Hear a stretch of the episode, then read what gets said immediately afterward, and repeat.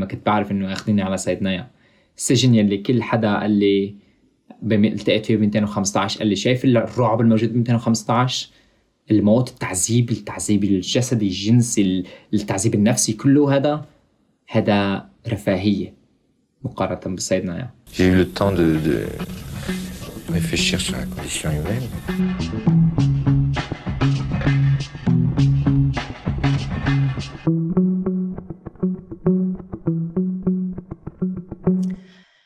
عمر شكري welcome to سردي. thank you مبسوط إنه عزمتونا. إيه ونحن كتير مبسوطين إنه أنت معنا اليوم.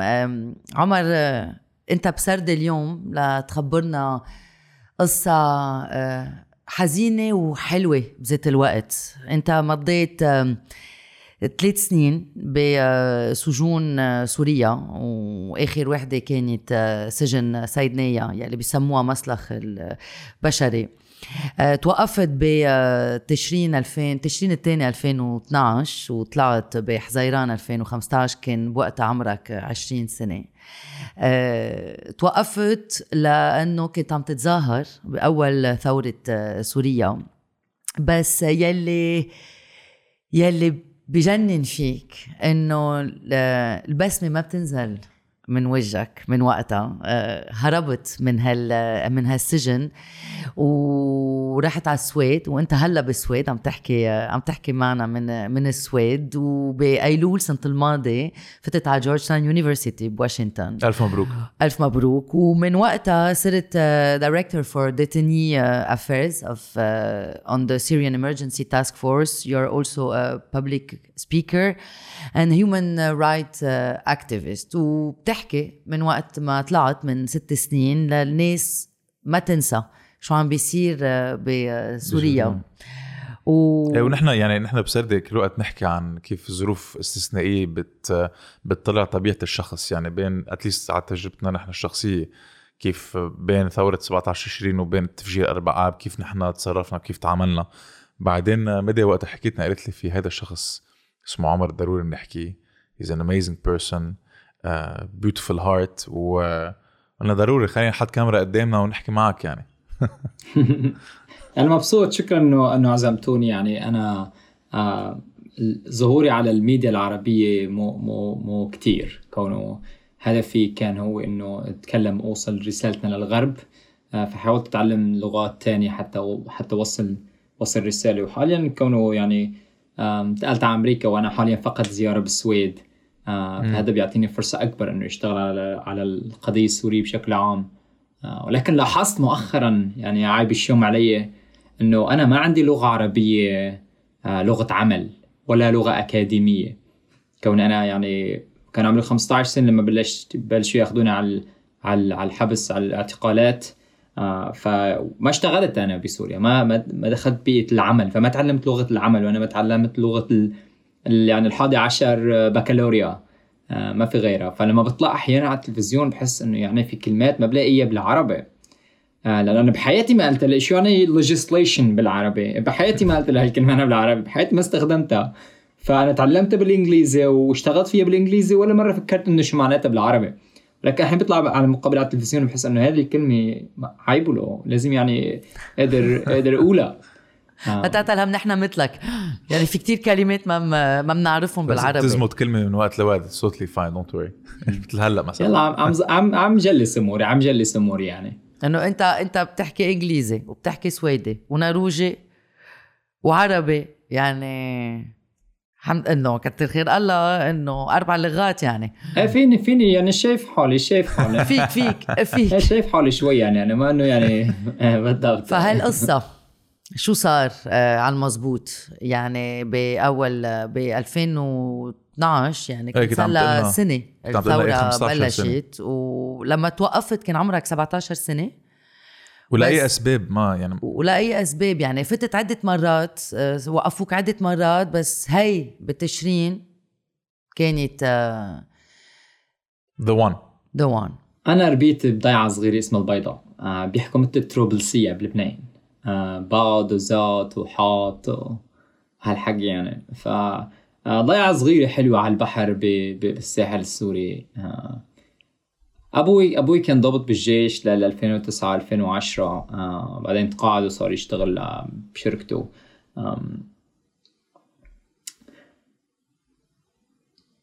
ما كنت بعرف شو معنات كلمة سياسة ولا كنت بعرف شو معنى كلمة حرية ولا ديمقراطية ولا عدالة ولا أي شيء. كوني كنت طفل أنا ربيت بالمدارس العربية يلي ما بتعطيك آه من الكلمة غير غير غير لفظها ما بيعطوك معناها فما كان عندي علم ولا إحاطة. آه ندرس كنا بالمدرسة قومية كنا نسمي المادة قومية. ونحن يعني رئيسنا يلي هو تعلمنا إنه الرئيس هو يلي يلي عم يعطينا أكلنا وشربنا وإنه الدولة هي اللي حامتنا ونحن آه، مناضلين ونحن عدونا هو هاي البلد ونحن أقوياء وعنا الرغبة وبلا بلا بلا. ولكن بالحقيقة ما ما كان عندنا وعي. لمعنى هاي الكلام لأنه ما كنا فينا نربطه بأي أحداث.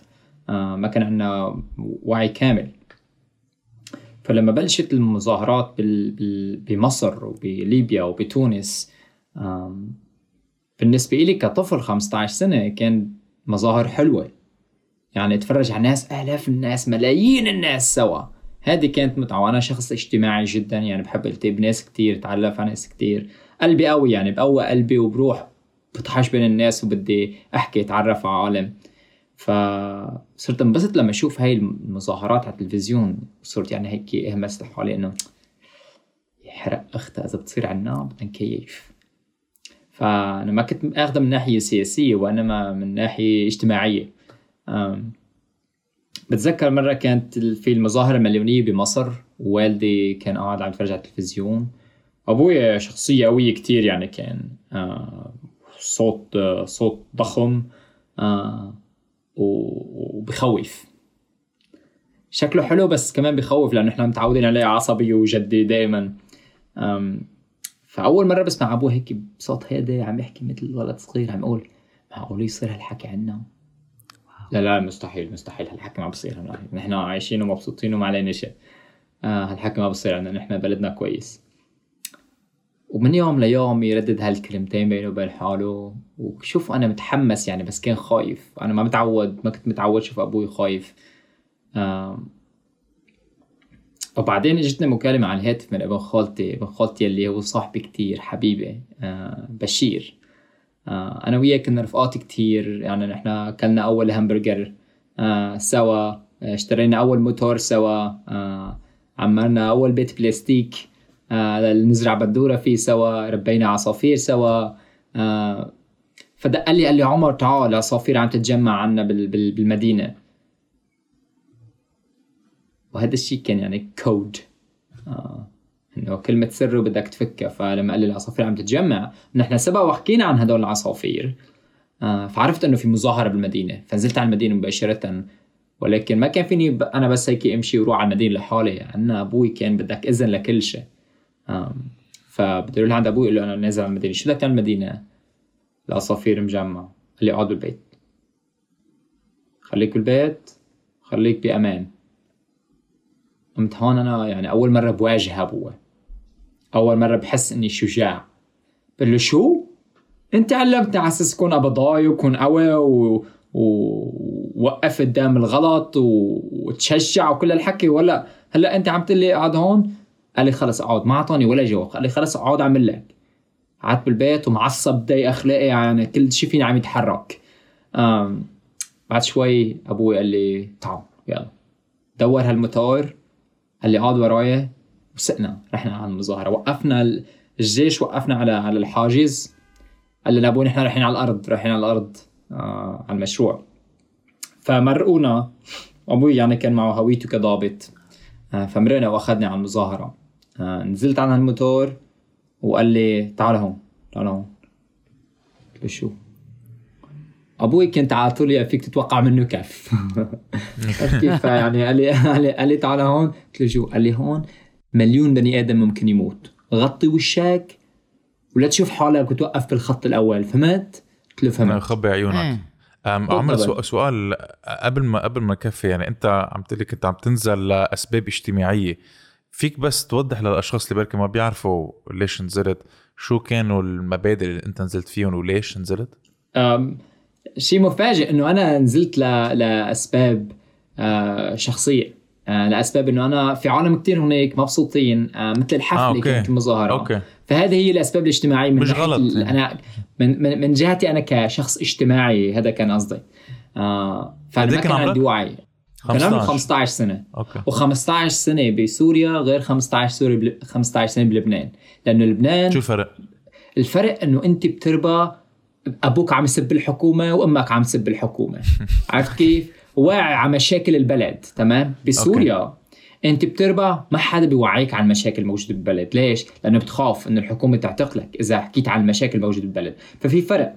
عرفت كيف؟ يعني اللي بيربى 15 سنة بسوريا أساسا ما واعي ما- ما بيعرف شو شو معنى السياسي لأنه آه لأنه ما عارفين أهل- تام أهل- يعني. بالضبط والاهل الأهل ما بيتكلموا عنا ابدا يعني ما في والله أبوي يذكر كلمة سياسي أو كذا ما في.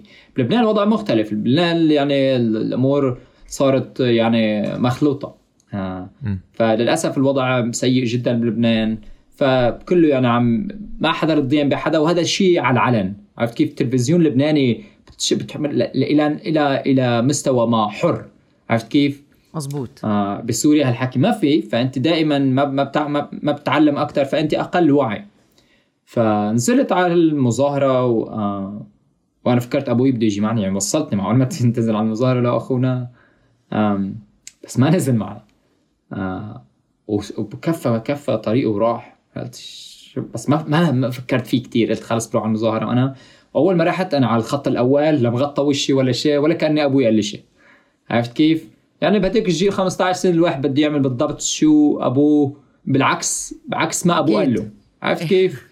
فرحت على الخط الأول و شاركت على المظاهرة ما حسيت إنه في شيء أي شيء غلط عرفت كيف؟ هذا الشعور اللي بتذكره انه ما كان في أي شيء غلط كانت الناس عم ماسكة الميكروفون وعم تغني وعم تقول بدنا حرية الشعب بده حرية. بالإضافة لكلمات تانية بتذكرها يا درعا حنا معك للموت يا درعا. هيك كانوا عم يقولوا لأنه وأنا ما كنت لسه واعي ما كنت على علم تام ولكن كان لحن حلو. عرفت كيف؟ بعدين عرفت إنه الأطفال بدرعا كان في أطفال صغار آه، كتبوا على الحيطان المدرسة آه، جاييك الدور يا دكتور. والدكتور يعني كريفرنس لبشار الأسد اللي هو دكتور عيون. إنه جايك الدور صار دورك يعني بالمظاهرات بعد بعد آه، مصر وليبيا دورك إنك تسقط فاعتقلوا داهموا المدرسة اعتقلوا الأطفال يلي كتبوا على الحيطان واخذوهم على التعذيب شلعوا لهم أظافرهم وسلخوا واحد من الأطفال يعني سلخوا جلده عن عن عن عن جسمه عرفت كيف؟ كرد على هالشيء يعني إذا هذا ابنك إذا هذا أخوك أنت شو بتعمل؟ بجن بنزل على الشارع. وما ما بترك يعني بالضبط الأهالي بيعرفوا انه جنونهم ممكن يؤدي لوفاتهم لموتهم عرفت كيف؟ بالإضافة لموت اطفالهم فنزلوا هن بكل بكل لطف يعني كبحوا كل مشاعرهم نزلوا إنه قالوا نحن بدنا أولادنا. ف ف فالأهل هونيك قالوا يعني السجان السجانين والمخابرات هذول إذا بدكم أولاد بعتوا لنا نسوانكم. أوف. كيف يعني تريد يعني عم بيتبادلوا لا بعتونا نسوان كان يعني نحن بنحب النسوانكم. يصير عندكم آه، أولاد لا. جداد. فهذه أنت بدرعا درعا كتير عشائرية كتير منطقة تقليدية.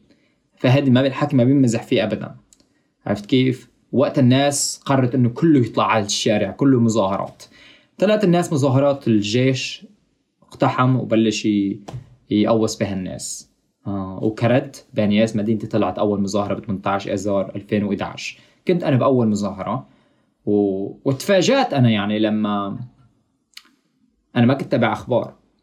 أخبار هي شغله شغلة أبوي ورفقاته نحن أنا كنت أتفرج على أفلام كرتون. أبطال الخير وأبطال الديجيتال. آه عرفت كيف؟ الكابتن رابح الكابتن ماجد. ما كنا نتفرج على الأخبار اللي عم تصير بدرعا ما كنت بعرف درعا وين أنا على الخارطة. آم ف لما أنا كنت بمظاهرة وفجأة بشوف إنه الجيش جاي وواقف ورانا ما كنت خايف. لأن أبوي أنا كان بالجيش. أبوي بحياته ما قوصنا عرفت كيف؟ فهذول العناصر الموجودين كانوا بيعكسوا يعني نفس الشخصية إنه والدي موجود بيناتهم يعتبر. فأنا ما كنت خايف لأنه أنا كمان ربيت بمنطقه عسكرية بالشام. لأنه أبوي كان ضابط هنيك فكنت انتقلنا وعشنا هنيك فأنا كنت شوف الدبابات كنت شوف الروسيات كنت شوف كل شيء. آه الأسلحة كله دائما موجود. فما كان عندي الخوف فكانوا واقف آلاف العناصر آه حوالينا. وفي ضابط ضابط كان عم يعطي الأوامر وبعدين يقول يعني لقم سدد. انت قلت لك عم عم يلعبوا معنا. شهد يعني عرض يعني بتعرف انت عرض عسكري. آه قال إيه. وقال يعني نار عم تمزح. وبلشوا يقوصوا عالم بلشت العالم توقع على الأرض بلشت العالم تموت. كيف يعني أنا في جنبي واقع على الأرض والدم بلش يطلع وال وال, وال يعني شو عم يصير؟ مستحيل الحكي يعني أنا ما, ما هون ما عاد أفهم ما عاد وانت ما أنا ما فهمان وأنا خايف ما بعرف شو بدي أتصرف عرفت كيف؟ يعني وشو بعمل؟ بروح بمشي برجع بنزل لعند رفيقي اللي عم يموت ممكن فيني ساعده ولا بهرب ولا فما قدرت أتصرف صرت ارجف وقفت مكاني و15 سنة عمري ما عاد أعرف شو بدي ضليت واقف مكاني حتى اجوا ويعني مسكوني ربطوني آه، حطوا لي كلبشه بديتي من ورا وبطحوني على الأرض. آه، وصاروا يعني ينطوا فوق فوق جسمي. وكل يعني كل عسكري كبير والصباط العسكري لحاله وزنه كيلتين وعم عم ينطوا على ظهري وعم ينطوا على راسي. فكنت عم حس لما البحص الصغير الموجود بال بال بال بالطريق عم يدخل بوشي. عرفت كيف؟ البحص الصغير عم يدخل بوشي وعم حس فيه أنا. وأنا لساتني هون ما بعرف شو عم يصير. وفجأة بيقول لك بدك حرية. وهذه الجملة كتير مشهورة للمخابرات للمخابرات السورية. بدك حرية. أنا ك كطفل بريء لما قالوا لي بدك حرية قلت له إيه سيدي بدي حرية. وبلش بقى بالقفا الروسية تبعه يضربني. الروسية هي سلاح أنا مسميها الروسية. آم آم كلاشينكوف. بلش يضربني بقفايا وبلش يعني اللي هاي الحرية اللي بدك إياها وينط على راسي ويضربني يقول لي هاي الحرية اللي بدك إياها بدك حرية يا عرصة. هاي الحرية هاي جملة المخابرات السورية. ف أنت سمعت هذه الجملة كذا مرة يعني ما هيك؟ كذا. كذا, مرة بحياتك بعتقد مش بس أنت وعمرك 15 سنة بس أنت وكنت معتقل بال... بالسجون يعني. كل كل يوم كنت اسمعها عشرات المرات. آه. ولكن بهداك اليوم كانت أول مرة. عرفت كيف؟ آه، يضربوني وبعدين بعد ست ساعات من القتل. بساعة الضيعة نحن عم يضربونا ويعذبونا. بعد حوالي ست ساعات بلشوا يجيبوا يا يسرقوا سيارة الضيعة ويحطوا الناس بقلب السيارات وياخذوا ياخذوا الناس. أنا كنت من الناس يلي أخذوني على ضيعة جنب ضيعتنا. اسمها المورد. هي ضيعة فيها علويين. جيراننا. هون هسه ما كان في اي ما كان في اي أي خلاف طائفي ما كان في نظام ما كان مستغل طائفة ضد طائفة إلى إلى الآن يعني. فأخذونا على هي الضيعة. وأنت نحن بنعرف العلوي من اللهج من لهجته. عرفت كيف؟ وكان أنا ربيان بالساحل فرفقاتي كلهم علويين. عرفت كيف؟ آم ف يلي صار هو إنه أنا آم أخذونا على هي الضيعة. وبلشت ال... بلشوا يعني أهل هاي الضيعة يفوتوا ويضربونا يعذبونا بهاي الغرفه بعد فترة قصيره آه، حسيت إنه عم تجي على عصا عصا خفيفة على ظهري. هيك على البطيء عم تجي عم تجي على ظهري وتنسحب سحب على ظهري. ف سمعت الضابط عم يقول له يعني عم يقول له قوي قلبك يا بابا. اضربه اضربه قوي قلبك. فكان طفل عمره يعني حوالي ست سبع سنين آم، مسكينه عصاية وعم يخلوه يضربني أنا. وبعدها بعد هذا اجت اجت النسوان. فوت النسوان على الغرفة وخلوا النسوان يعذبونا. آه، فترة يعني كم ساعة؟ وبعدين بس، أخذونا آه، على الفرع. فرع المخابرات عمر المخابرات يعني العسكرية. أنت أنت رحت على الضيعة العلوية وكانوا ال- الضباط عم بيطلبوا من سكان هيدي الضيعة يضربوكم من نسوانهم لاولادهم لرجالهم يعني يجبرون أو أو يشددوا العصب الطائفي ويرجعوا يخلون يضربوكم يعني كي- كيف تزبط الأمور؟ وغير هذا الشيء بيك وين كان بهالمعمعة لأنه إذا كان ضابط وهيك عادة نحن بلبنان يعني إذا بيو ضابط أو شيء هيك دغري بيطلعوا بي عنده واسطة. أنت وين كنت وين كان بيك؟ سوري؟ بالضبط. فانا أنا أخذوني على هنيك الشيء اللي صار هن اعتقلوا كل رجل شافوه بالضيعه تمام؟ أبوي لما لما داهموا ما ما اعتقلوه ليش؟ لأنه كان معه هويته العسكرية. هو كان ضابط متقاعد ولكن بضل معه هويته العسكرية. فهذا الشيء خدمه يعني. فانا هناك بهذيك ضيعه الشيء اللي صار النظام قبل ما يداهم القرية. راحوا على الضيعة العلوية وقالوا لهم إنه هدول بدهم يذبحوكم. فتعوا معنا سلحوا الضيعة العلوية الشباب العلويه وأخذوهم على هاي المجزرة. فهذا يلي صار. الضيعة العلوية صارت تفكر إنه نحن لازم نحافظ على حياتنا. لهيك لازم ننزل. ولكن على وجودهم إيه بالضبط. ولكن نحن ما كان في ولا أي ولا أي شيء له علاقة بالطائفة. ونحن نزل عم نقول بدنا حرية. حرية ضد النظام الفاسد ضد الرئيس الفاسد. مو مو ضد الطائفة معينه فنزلوا هاي الناس وهذا الشيء اللي السبب شو السبب يلي يلي خلاني ياخذونا على هاي الضيعه يعذبونا حتى يأجوا الكره الموجود عرفت كيف؟ حتى يبنوا الكره إذا ما كان موجود، حتى ي... حتى أنا أتذكر إنه الشخص اللي كان عم يسمعني من لهجته بعرف إنه علوي. عرفت كيف؟ فالنظام كان عم عم عم عم يغذي الطائفية آه بهديك اللحظة لحتى يخلي الناس تتقاتل بين بعضها. هذا الشيء بيقوي النظام إلى إلى مستوى بدل ما إنه النظام يقاتل الناس اللي عم تنزل على المظاهرات بصير الناس عم تقاتل بعضها. ف أخذونا على الفرع وعذبونا لمدة يومين قبل ما النسوان لأنه ما اعتقلوا غير الزلم صح؟ فضل النسوان والنسوان عنا ما ما إنه يعني يعني ما مثل يقولوا ممنوع عنا النسوان عنا بضايات يعني بياكلوا بياكلوا الأسد عرفت كيف؟ فنزلوا هالنسوان على الاوتوستراد قطعوا الطريق ووقفوا وقفوا كان على ما أعتقد كان في دورية جاي وفيها فيها سفير أو دبلوماسي روسي.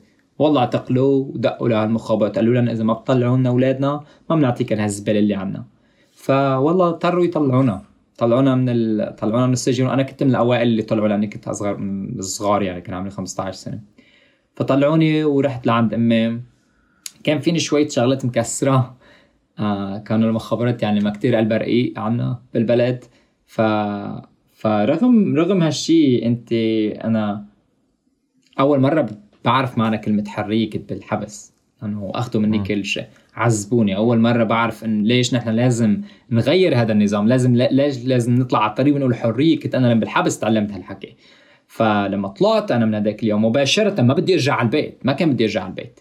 بدي يكون مع هال... مع النساء الموجودين بهالطريق وعيط أقول بدنا حرية. آه وقت أول مرة من قلبي بقول الشعب يريد إسقاط النظام بس الناس ما كانت تقول هالكلمة. كيف؟ ليش؟ لأنه هاي كلمة كبيرة. بتأدي هذه لمجازر. فأنا حسيت إنه إنه يحرق اختها بعد كده. هالقتل والتعذيب شو شو شو نفع حياتنا؟ إذا الجيش اللي لازم يحمينا إذا المخابرات الموجودة كرمالنا عم تعذبنا عم تشلع لنا اظافرنا وعم عم عم عم يذبحوا الأطفال وعم يعذبوا الكبار والصغار لا احترام لا الكبير بالعمر ولا الصغير بالعمر. يحرق اختها إذا ما بدنا نطلع مظاهرات فهي هي هي يعني مزرعة للمخابرات. فأنا قلت يعني هذا الشيء فكرت فيه كطفل عمري 15 سنة إنه هذا الشيء ما مقبول. فأنا هون من وقتها ما عاد بدي ما عاد ما عاد ما بيهمني البيت بدي أطلع مظاهرات فطلعت مظاهره مرة وتنتين وثلاثة و10 و20 30 بعدين يعني داهموا وبلشت الجيش يقتحم المدن. فاقتحموا بانياس آه، واخذوا مدينة بانياس اقتحموا قريتنا وصار في يعني آه، حصار على قرية البيضاء لمدة شهر. فشهر ما بيدخل الأكل على قرية البيضاء. فأحد الأشخاص المعروفين بقرية البيضاء كان حاتم حنا. آه، شخص مسيحي كان يستعمل سيارته البيك أب تبعه ويهرب خبز لعنا على الضيعة. الناس ما بتموت من الجوع بضيعة. ليش؟ لأنه في شجر في فواكه في كل شيء. ولكن الناس بتضل كل واحد يعني بده أفضل بدك أفضل بدك خبز بدك شيء يعني آه بدك شيء شيء تاكله. نحن كثير قريبين على المدينة يعني بس خمس دقائق من المدينة. فهي مو ضيعة كبيرة بس متصلة بالمدينة إلى إلى ناحية ما. فهذا الشخص كان يهرب فقتلته المخابرات وهناك هو هو كان اول الاشخاص اللي بتموت عندنا بالساحل السوري حاتم حنا. ف آه والنظام آه مباشرة كان بده يتهم إنه أهل ضيعة البيضاء اللي هن السنة أغلبية السنة هن قتلوا حاتم حنا ولكن المسيحيين كانوا على دراية كاملة بكل شيء. فالشيء اللي صار إنه تم تشييع حاتم حنا بالكنيسة وبالمسجد. آه كمواجهه للنظام السوري إنه نحن ما في طائفية بيناتنا خصوصي المسيحيين بالضبط والسنة عنا المسلمين الموجودين بالمنطقة كثير قرب لأنه عايشين سوا. عرفت كيف؟ العلويين ممكن يكونوا بع... يعني ضيعة جنبنا ضيعة جنب... بس بس المسيحيين كانوا عايشين معنا. و... يعني انساتي والمدرسة كانوا مسيحيين انس الفرنسي انس العلوم مسيحية. عرفت كيف؟ فنحن مختلطين لل... ونحن كأطفال يعني ما بنعرف شو معنى كلمة طائفية. ما بنفكر ما, بتع... ما بتفكر بالفرق إنه في مسيحي آه مسيحي مسلم شو الفرق؟ ما بتفكر ابدا. ولا ما كان هاي بعدين على كبر بنرجع نتعود على هول المصطلحات البشعة.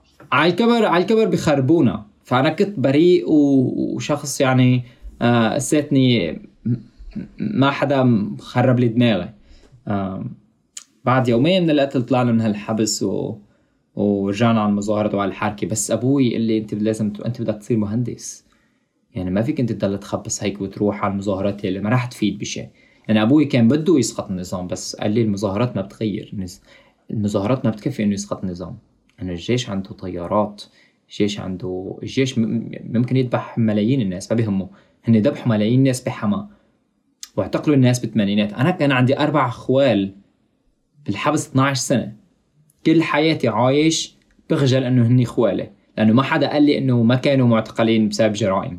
ما حدا قال لي إنه معتقلين سياسيين. يعني أنا لما لما خالي بيمرق بالطريق أنا ما عارفية ب- يعني بدير وشي. ليش؟ يعني. لأنه خالي كان بالحبس. يعني بالحبس كان بالنسبة لي مجرم. عرفت كيف؟ سارق أو قاتل أو ساو- مساوي شيء.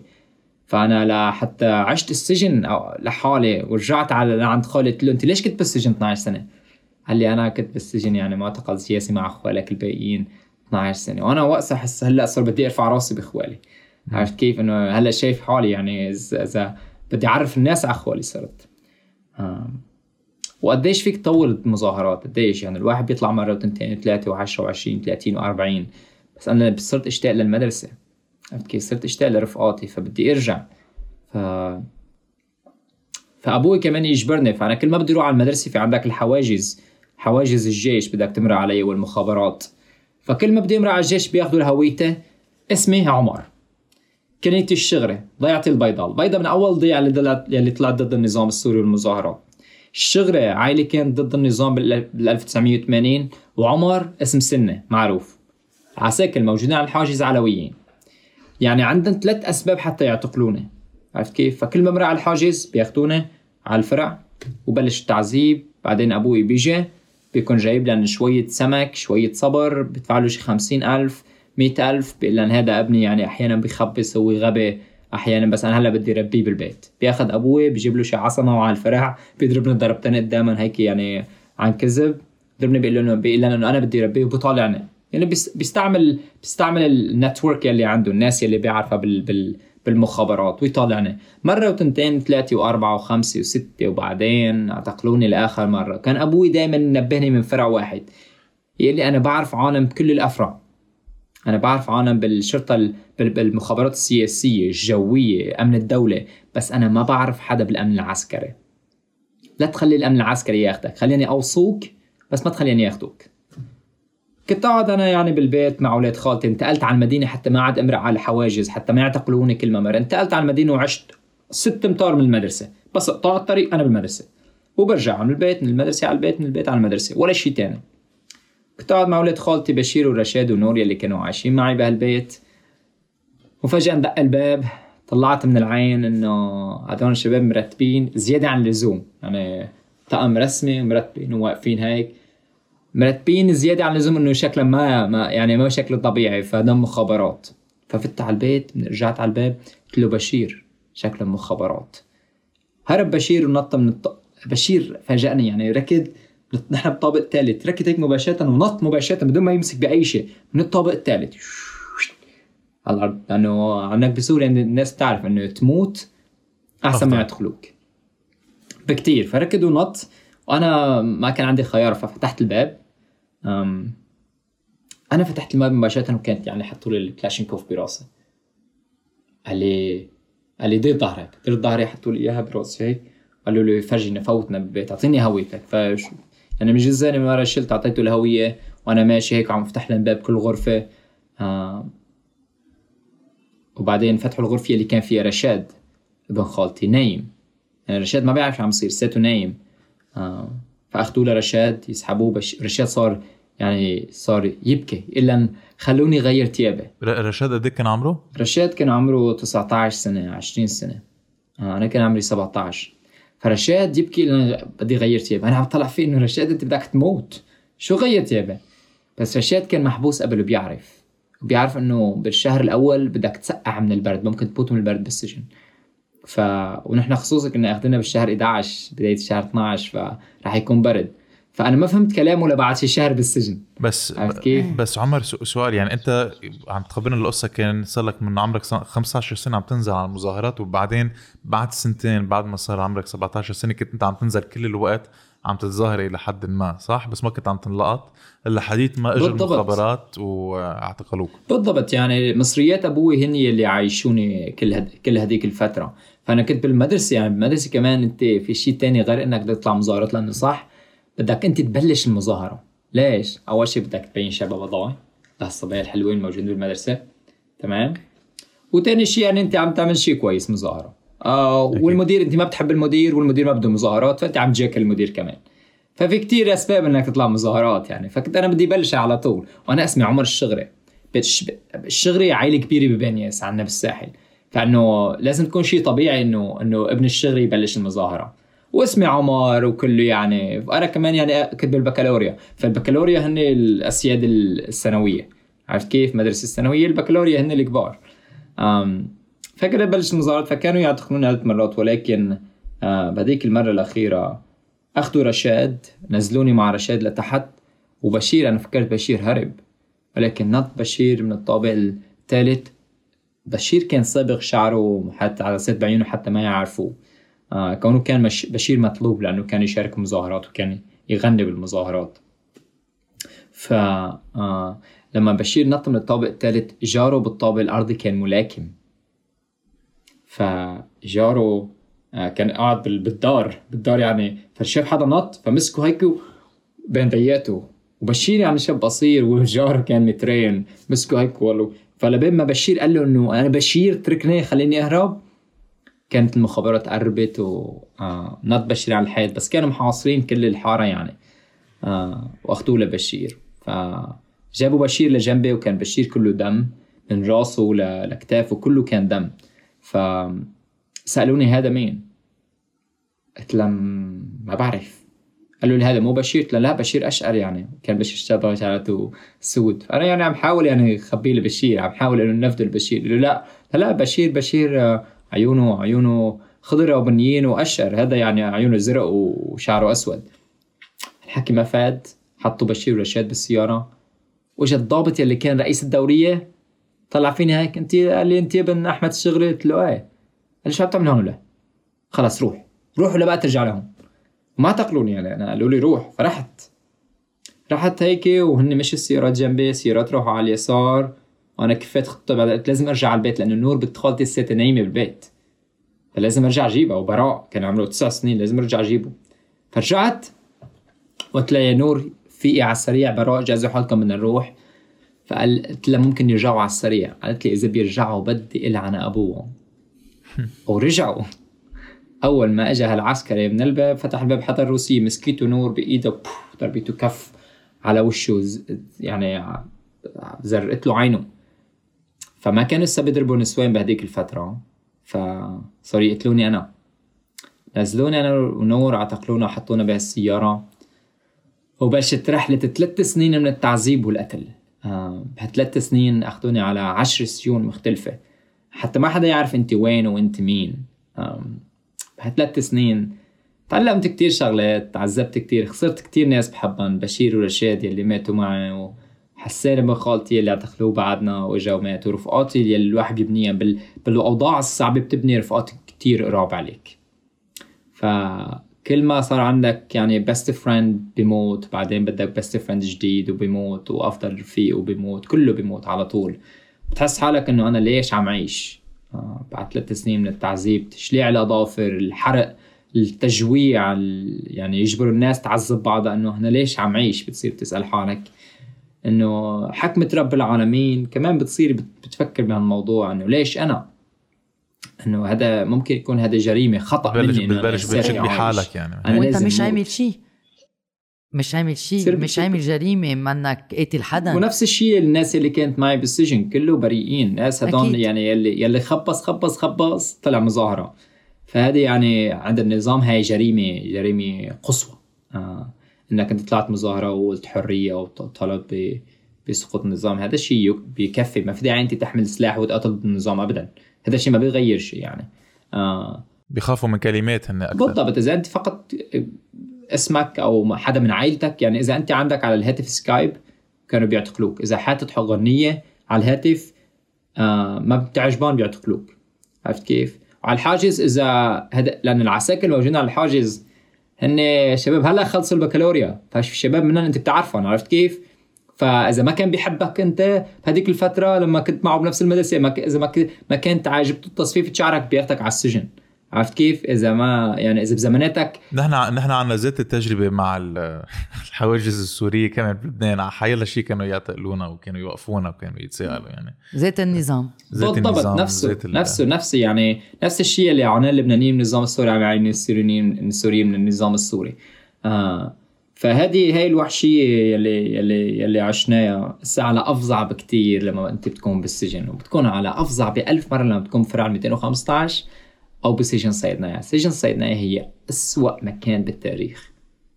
ممكن ما ممكن يعني قرأت عن عن عن قصص كثيره آه بالتاريخ. ما في صور سجن صيدنايا صح؟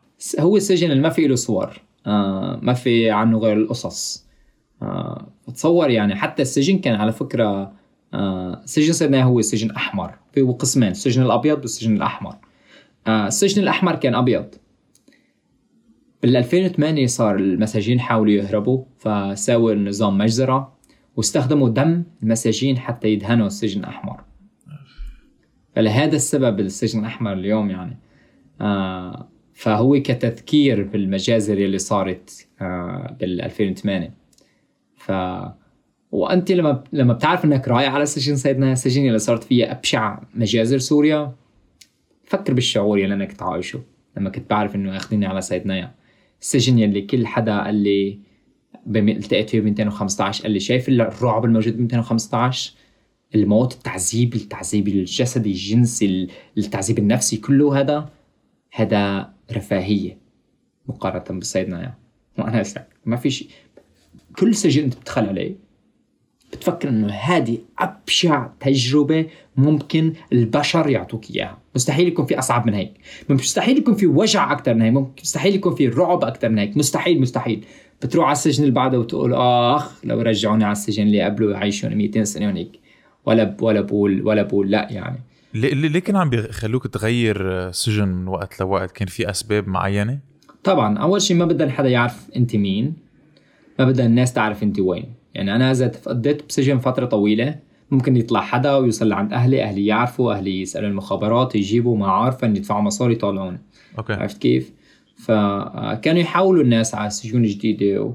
آه، مو الكل بيتحول يعني على صيدنايا بالأخير. كون صيدنايا يعني مثل صيدنايا مثل Harvard University. يعني بدك تكون أنت مميز بطريقة ما حتى حتى يقبلوك حتى ياخذوك عن جد عن جد. يعني إذا ما كان في شيء ضخم وراك ما بياخذوك على هونيك. ف آه. كم واحد كم واحد كنتوا؟ كم واحد في آه، بسيدنية؟ على تقديراتي أنا لأنه أنا ما بخلونا نروح نزور كل غرفة ونعد المساجين فيهم على تقديراتي أنا ففي شي حوالي 15 15 ألف سجين بسيدنايا آه السجن ضخم. السجن في أول شيء تحت الأرض 100 غرفة. بعدين عندك آه بكل طابق ست كوريدورات. بكل كوريدور عشر غرف. آه على أيامي أنا كان في 35 بكل غرفة كان في غرف فيها أكثر فيعني حسبيها حسبيها بكل طابق. آه ست كوريدورات ضرب آه عشر عشر غرف آه بالأعداد الموجودة فيها. فأعداد هاي من المساجين ولكن المشكلة ما هنيك يعني. المشكلة إنه المساجين الموجودة عم تموت. ومباشرة بيجيبوا مساجين بغيرها يعني بيموت 10 بيجيبوا 10 من شو بيموتوا؟ شو الأسباب الموت؟ الناس بتموت لأسباب كثيره بالإضافة للتعذيب وللتجويع وللأمراض. كان في سبب يعني سبب مهم للموت وهو كان الدمار النفسي. نحن غالبا من بنقلل من قيمة الضغط النفسي بحياتنا الطبيعية ولكن بالسجن الضغط النفسي بيؤدي للوفاة. يعني بتذكر كان في شخص معي اسمه عبد الوهاب. عبد الوهاب كان شخص يخاف كتير آه، فلما يدخل سجين على الغرفة ما يعذبوه لأنه كانوا يضحكوا عليه لأنه يشوفوه عم يرجف وخايف وي... وعم يموت كل الوقت فكانوا بس هيك يتمسخروا عليه آه، ويعذبوه نفسيا. فبتذكر عبد الوهاب كان يقعد جنبي ويقول لي أنا السجين جاي جايين علي بدهم يموتوني. يعني, بدهم يموتوني أنا جايين علي أنا بس علي أنا بدهم يموتوني كل الوقت. فانا بقول له خلص يا يا, يا عبد الوهاب روح شوي. يعني ما رح يموتوك أنت قبل ما يموتوني أنا. بس موت أنا ببلش أنت تخاف. يعني لا تاكل هم. ف يعني بتذكر ب... يعني بدون ولا بدون ضرب ولا شيء. آه بعد فترة مات. بدون ولا شيء بدون ضرب. بس قاعد بالمربع الصغير تبعه ومات على القاعد يعني. آه مات من الرعب يعني. مات من الرعب. فهذه بالإضافة للتعذيب الجسدي اللي الأشخاص بيتعرضوا له الضغط النفسي بيؤدي لوفاتك بي بي بيسرع وفاتك. آه بعدين في عندك الأمراض الجلدية الأمراض الجلدية اللي بتجيك بالسجن كانوا انت يعني الأوضاع الموجود فيها غير مناسبة ابدا للحياة حياة الإنسان. فأنت بتوصل لمرحلة إنت إنت عم إنت بتضل بتحك جلدك حتى ينزل الدم من كل جسمك. في أشخاص كان كل كل يعني سنتيمتر من الجسم عم ينزل منه دم بسبب الحك. امراض جلديه الجرب اللي عم يصير المساجين. فناس بتموت فقط من من من من السوائل اللي عم تطلع من جسمها اللي ما عم تتعوض. أنت ما عم تشرب مي. يعني عم عندك كاسة مي بال باليوم. وأنت عم الدم اللي عم يطلع من جسمك أكثر من كاسة. عرفت كيف؟ فهي مشكلة كانت عم يتعرض لها المساجين. ففي أسباب كثير للاسباب وحشية كثير فين نتكلم لك عنها. بالإضافة لأنه يجبروا المساجين تعذب بعضها. ليه؟ آه كيف كانوا يجبروهم شو كانوا يقولوا لهم يعني؟ السجان بده يفرط الثقة الموجودة بين المساجين حتى المساجين ما تساعد بعضها. بده الناس تخاف من بعضها. حتى المساجين تبلش تعذب بعضها. فأول شيء عندك طريقتين لأنه المساجين يعذبوا بعضهم. الطريقة الأولى هي السخرة. السخرة هن المساجين اللي بيختارن السجان حتى يصيروا يوزعوا الأكل ينظفوا يعملوا كذا. هدول الأشخاص لازم يعذبوا. إذا ما بيعذبوا بيتعذبوا. هو مثل الشاويش يعني؟ إيه كنت رح أقول زي الشيء مثل الشاويش. ورئيس المهجع رئيس المهجع حرامي. بيعطوه 50 حبة بطاطا بياخذ 25 له بيوزع 25 لبقية المساجين. ونفس الشيء السخرة بيتعودوا إنه إنه أولويتي بالحياة إنه أنا انجى فالشيء اللي بيسوي إنه بي بيسوي أي شيء بيلم السجان عليه وأفظع بس لحتى يعيشوا. لأنه دماغك بصير يبرر لك أي تصرف بتاخده. بصير لأنه أنت عايش بأسلوب تفكير النجاة survival mechanism آه فأنت بتبرر أي شيء بكل بساطة. الشيء الثاني فترة فترة السؤال والجواب أنا بتذكر بشير ابن خالتي كان أنا وبشير ابن خالتي كنا بنحب بعض كتير إنه السجان كان بيشوف هالشيء. عرفت كيف؟ يعني أحيانا هو عم يضربوني بشير يحاول ينط فوقي حتى يجي الضرب عليه وما يجي علي وأنا نفس الشيء يعني فالسجان تبع فالشيء مرة دخل السجان وأعطاني مفك براغي آه وعطى بشير مسدس مسدس صغير. وقال لي آه افتح افتح جرح بظهر ابن خالتك أو أنا بفتح جرح بظهرك. وعطى بشير نحن قاعدين أنا وبشير قاعدين قدام بعض وعطى بشير المسدس وقال لي قال له لبشير قوس ابن خالتك أو أنا أو أو أنا بوسك. وأنا وبشير يعني مستحيل يعني ولا ما في داعي حتى نفكر فيها. ولكن بهديك بديك الرحلة يعني أنا بعرف إنه السجان بيقوص بشير بشير بيموت مباشرة ما في ولا يعني السجان ما بيتردد. فأنا قلت لبشير هيك قربت عليه همست على البطيء. والسجان جنبنا يعني. آه إنه إنه شو؟ شو بعمل؟ يعني بتركني موتوك ولا بفتح لك أنا جرح؟ آه بمفك البراغي يلي طبعا مو جرح سهل من من, من كتفك لأسفل ظهرك. بشير لي لا أنا ما بعمل شيء. يعملوا شو ما بدهم يعملوا يموتوني يموتوك ما, ما بعمل شيء أنا ما, ما, ما بضربك ما بوصك آه وبدك أنت بدك تفتح لي جرح بظهري أنا ما عندي مشكلة بس أنا ما ما بوصك آه بالأخير يعني إنه قدام السجن نحن عم نخطط كل خططنا. آه كنا بمرحلة من اليأس لا يعني لا تضاهى من الخوف ولكن بنفس الوقت إنه ما عندنا شيء رح نموت ونموت يعني. ما ضل شيء ف اي ما في أمل. ما يعني, يعني أنت كنت تعتبر إنه ما في أمل ما في رح تموت هون وما رح تظهر يعني. بالضبط بالضبط. فأنا قلت لا وبشير قال لا. آه آه مسكوا مسكوا مسدس كان بإيد بشير أوصوني أنا بال بال بوركي ومسكوا المفك البراغ اللي كان بإيدي وفتحوا لبشير جرح كبير بظهره. آه ورحنا رحنا بعدين أخذونا حطونا بغرفنا وأنا وبشير كنا عم نموت يعني.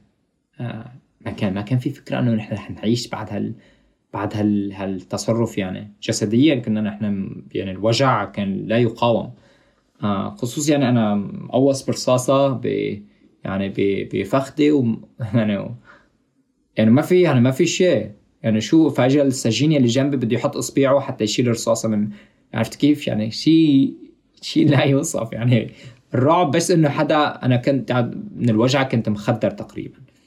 فلما بس كنت عم اتفرج يعني السجين عم يحاول يعني يحط إصبعه بالمكان الجرح يوسع الجرح حتى يحاول يطلع الرصاصة حتى ما يصير يعني التهاب وما شابه. ف يعني يعني الوحشية الموجودة عند السجان حتى يخلي المساجين تعيش هالظروف لا تقاوم.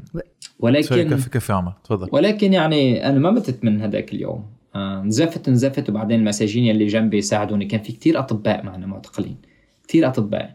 ممرضين. فهدول الناس كانوا يهتموا فينا. آه، بغض النظر عن عن انعدام أي الوسائل المساعدة الحاجات الأساسية لل يعني ليعالجوك طبيا كانت منعدمة. ولكن يعني يحاولوا بكل شيء بيقدروا عليه. ولو كان بس إنه يكبسوا ايدا على الجرح حتى ما ينزل منك دم. وبعدين وبعدين يعني بشير الجرح اللي كان بظهر بشير كان يعني يعني كان كبير كانوا هيك وسع يعني الجرح. والجرح طويل من كتفه لأسفل ظهره بهالوسع يعني. ف فكان الدود عم ياكل بظهر بشير وكان الدود عم ياكل بوركي أنا آه، لفترة طويلة بالسجن يعني. حس بحركة الدود أول فترة لحتى ما عاد تخدر وما عاد حس يعني فيه ابدا. آه وكل الناس تفكر بدنا نموت والكل يعني يعني مثل عم يطلعوا عليك إنه مسكين هذا رح يموت ب... إذا ما من التعذيب رح يموت من الدود اللي عم ياكله آم وبعد يعني بعد شيء بعد فترة آه مات بشير. آه وأنا ما متت حولوني على سجن جديد وما متت الناس اللي حوالي عم تموت وأنا ما متت والناس الجديدة اللي بتجي على السجن بتشوفني لساتي عايش بيقولوا يعني كل الناس ماتت أنت ليش عايش؟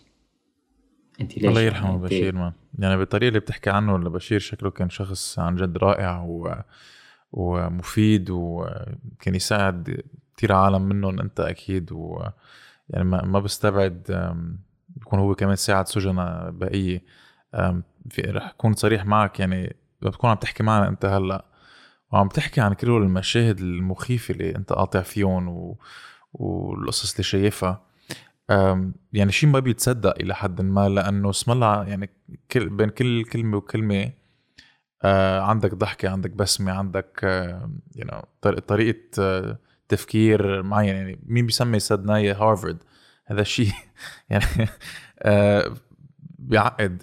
كيف قدرت تحافظ على هيدي الصلابة العقلية اللي أنت عندك إياها؟ لأنه مثل ما كنت عم تقول مثل ما قطع عبد الوهاب يعني فرط الزلمه فرطوا اعصابه وبعتقد بعد ما آه، يعني مات بشير يعني هذا الشخص اللي أنت كل وقت كنت تكون قريب عليه وكل وقت كنتوا تساعدوا بعض آه، ما بقى عندك إياه. فكيف قدرت تضاين؟ وبعد يعني كمان سؤال كيف كانت العلاقة بين السجناء أنت عم تقول لك أنتوا عم بتساعدوا بعض هل هذا الشيء كان يعمل علنا ولا شو كان يصير؟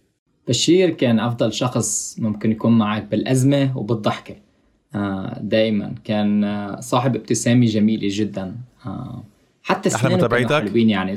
صفة إحنا صفة اسنانه كانوا حلوة يعني. ف بتذكر أيام لما بشير كان قاعد بهالغرفة والدم عم ينزل من جسمه ويعني في دم من من وشه. وقعد بشير وقعد بزاوية هالغرفة وعم يضحك. ويطلع على كل شخص موجود بالغرفة ويضحك. هيك وهيك. على كل شخص بوشه ويضحك له أنا طلع فيه بشي شو عم تعمل عم تضحك على العالم عم تمسخر عليهم على الوجع اللي عايشين فيه. شو عم تعمل ليش شو السبب عم تضحك؟ يقول لي أنا يا أبو خالتي أنا رح موت وانت رح تموت. وهالناس اللي حواليك طلع كليته عايش باكتئاب وخوف ورعب. طلع بكل زاوية بالغرفة كل زاوية ما بتعطيك إلا الرعب والخوف. الدم هون الوجع هون الجروح هون. أنا خليني يعني يكون مصدر راحة نفسية ولو لثانية شخص يشوف ابتسامتي المصدر الوحيد للأمل بهالغرفة. أنا. هالابتسامة الصغيرة. ما بتعبني. ما, ما بتعب أنا لما بعطي هالابتسامة. ما عم ما ببدأ جهد لما بعطي هالابتسامة. ومع هيك بعطي شوية أمل لهالناس. هالحكي ما كان يخرط مشتي آه، أنا كان كنت كنت عم يوجعني كل شيء. عظامي عم توجعني. شعري عم يوجعني. أظافري عم يوجعني كل شيء عم يوجعني. فما كان الحكي يخط مشتي ابدا. لحتى أشوف الناس أنا عم طلع على بشير ويضحكوا له. آه، شوف الناس تنسى إنه عم يوجعش. عرفت كيف؟ وأنا يعني صير معقول له يعني معقول كل هالوجع وفينا نضحك. آه، معقول كل هالخوف وفينا نضحك. وبعدين بعد بعد فترة طويلة بشير قرر إنه يموت. قال لي ابن خوتي أنا ما عاد بدي أعيش. أخوي مات أختي ماتت تحت تعذيب إذا أنا بيوم من الأيام طلعت لعند أمي وأمي وأنا الكبير بين إخواتي أمي سألتني وين إخواتك؟ فيني إلا لأمي إنه مات إخواتي تحت تعذيب. رح تسألني إنه ليش ما دافعت عنهم؟ ليش ما مت انت حتى هن يعيشوا؟ شو بدي إلا لأمي؟ أنا الكبير بين إخواتي. شو بدي إلا؟ ما في شيء واجه في أمي فأنا بدي موت أريح لي بكتير. قرر إنه ما عاد يأكل وما عاد يشرب. فأنا هون يعني إذا مات بشير أنا بموت. حياتي بلا بشير ما لها طعم يعني ما فيني قاوم ما فيني أضحك ما فيني أعيش بدون بشير لأنه هو الشخص مجرد وجوده كان يعطيني حماية حماية كبيرة. إضافة للأمل اللي كان ينشره بشكل عام بدونه ما عاد في ما عاد في ولا سبيل حتى إنه الواحد يعيش. ف قررت إنه أجبره يأكل فكنت أمسكه هيك أفتح له تمه آه ودخل الاكل على تمه وأجبره. فبهالمرحله صرت اضربه حتى ياكل وحتى يشرب. فهون بلشت مرحلة عدم الاحترام بالنسبة لبشير إنه عمر ما عاد عم يحترمني مع إني أنا أصغر منه بخمس سنين. فبلش ما عاد ما عاد يطلع فينا حتى لو إنه عم عم يفتح تمه وقت أمسك له آه أمسك له فك وعم يفتح تمه وعم ياكل بس ما بيطلع فينا دائما عيونه لتحت ما بيطلع فينا ولا بيحكي ولا كلمة. يعني مرت فترة طويلة بشير ولا كلمة ولا حرف. وتحت التعذيب نحن ممنوع نصرخ فما سمعت صوت بشير ابدا. فبهذاك اليوم كنت أنا أحمله هذيك الأيام كنت أنا أحمله على الحمامات والحمام 35 متر مشوار يعني بعدين بالحمامات بدي اقعد بالتواليت 10 آه ثواني بعدين لازم أحمله ورجعه. فأنا كنا بالطريق في سجان على اليمين وعلى اليسار عم يعذبنا كل الطريق. ولما بشوفوك أنت حامل حدا عم تساعد حدا فبدهم يقتلوك أنت يتركوا كل المساجين ويجوا يقتلوك أنت. فبقية المساجين كان قلبها طيب كان تجوا يحاولوا يصفوا حوالي حوالي أنا وبشير. يلي بين دياته ويحمونا شوي. لما السجين عم يضربنا يضربن حتى هن يحاولوا يحمونا شوي. ولكن مرة تنتين ثلاثة عشرة عشرين ثلاثين أربعين وبعدين حامله لبشير. ويعني وأنا كنت عصب. أنا كنت عصب بسرعة. إنه إنه يعني أنا حاملك أنا عم أموت كل يوم. آه يعني طلع فيني أعمل لك. طلع فيني أعمل لك. آه ما يطلع فيني. آه فحامله هذيك المرة وبعدين فجأة يعني بعد حوالي عشرين متر من هالمشوار وقعت آه كان بدي أريح شوي ما عاد أقدر أتنفس لأنه أنا حامله وعم أكل قتل وعم ينزل مني دم يعني ودايخ وعم أسعل وما فيني عم أتنفس يعني عم تنفس. وأنا مريض وكله فما عم أقدر أتنفس فبدي أنزل على الأرض ريح ثانية. وأنا هيك نازل على الأرض طلع فجأة طلعت طلع بشير كان عم يطلع فيني هيك عم يضحك. قال لي ميت وردة. آه، وميت وردة كان كلمة بشير على طول يقولها بس ما كان بيقول إلا هو مبسوط يعني. بشير لما بقول بشير مد... يعني ميت وردة ما بيقول إلا هو يعني بكون مثل ما بيقولوا مزهزه آه مرتاح ومبسوط. فطلع فيني هيك عم يقول لي 100 وردة فأنا هالحكي صار له زمان ما صاير. أنا حملته هيك يعني مثل قبضاي ورحت فيه على الحمامات. بعدين سمعت بشير عم يقول لي عم يقول لي عمر أنا عم بدي أتنفس عمر أنا عم موت.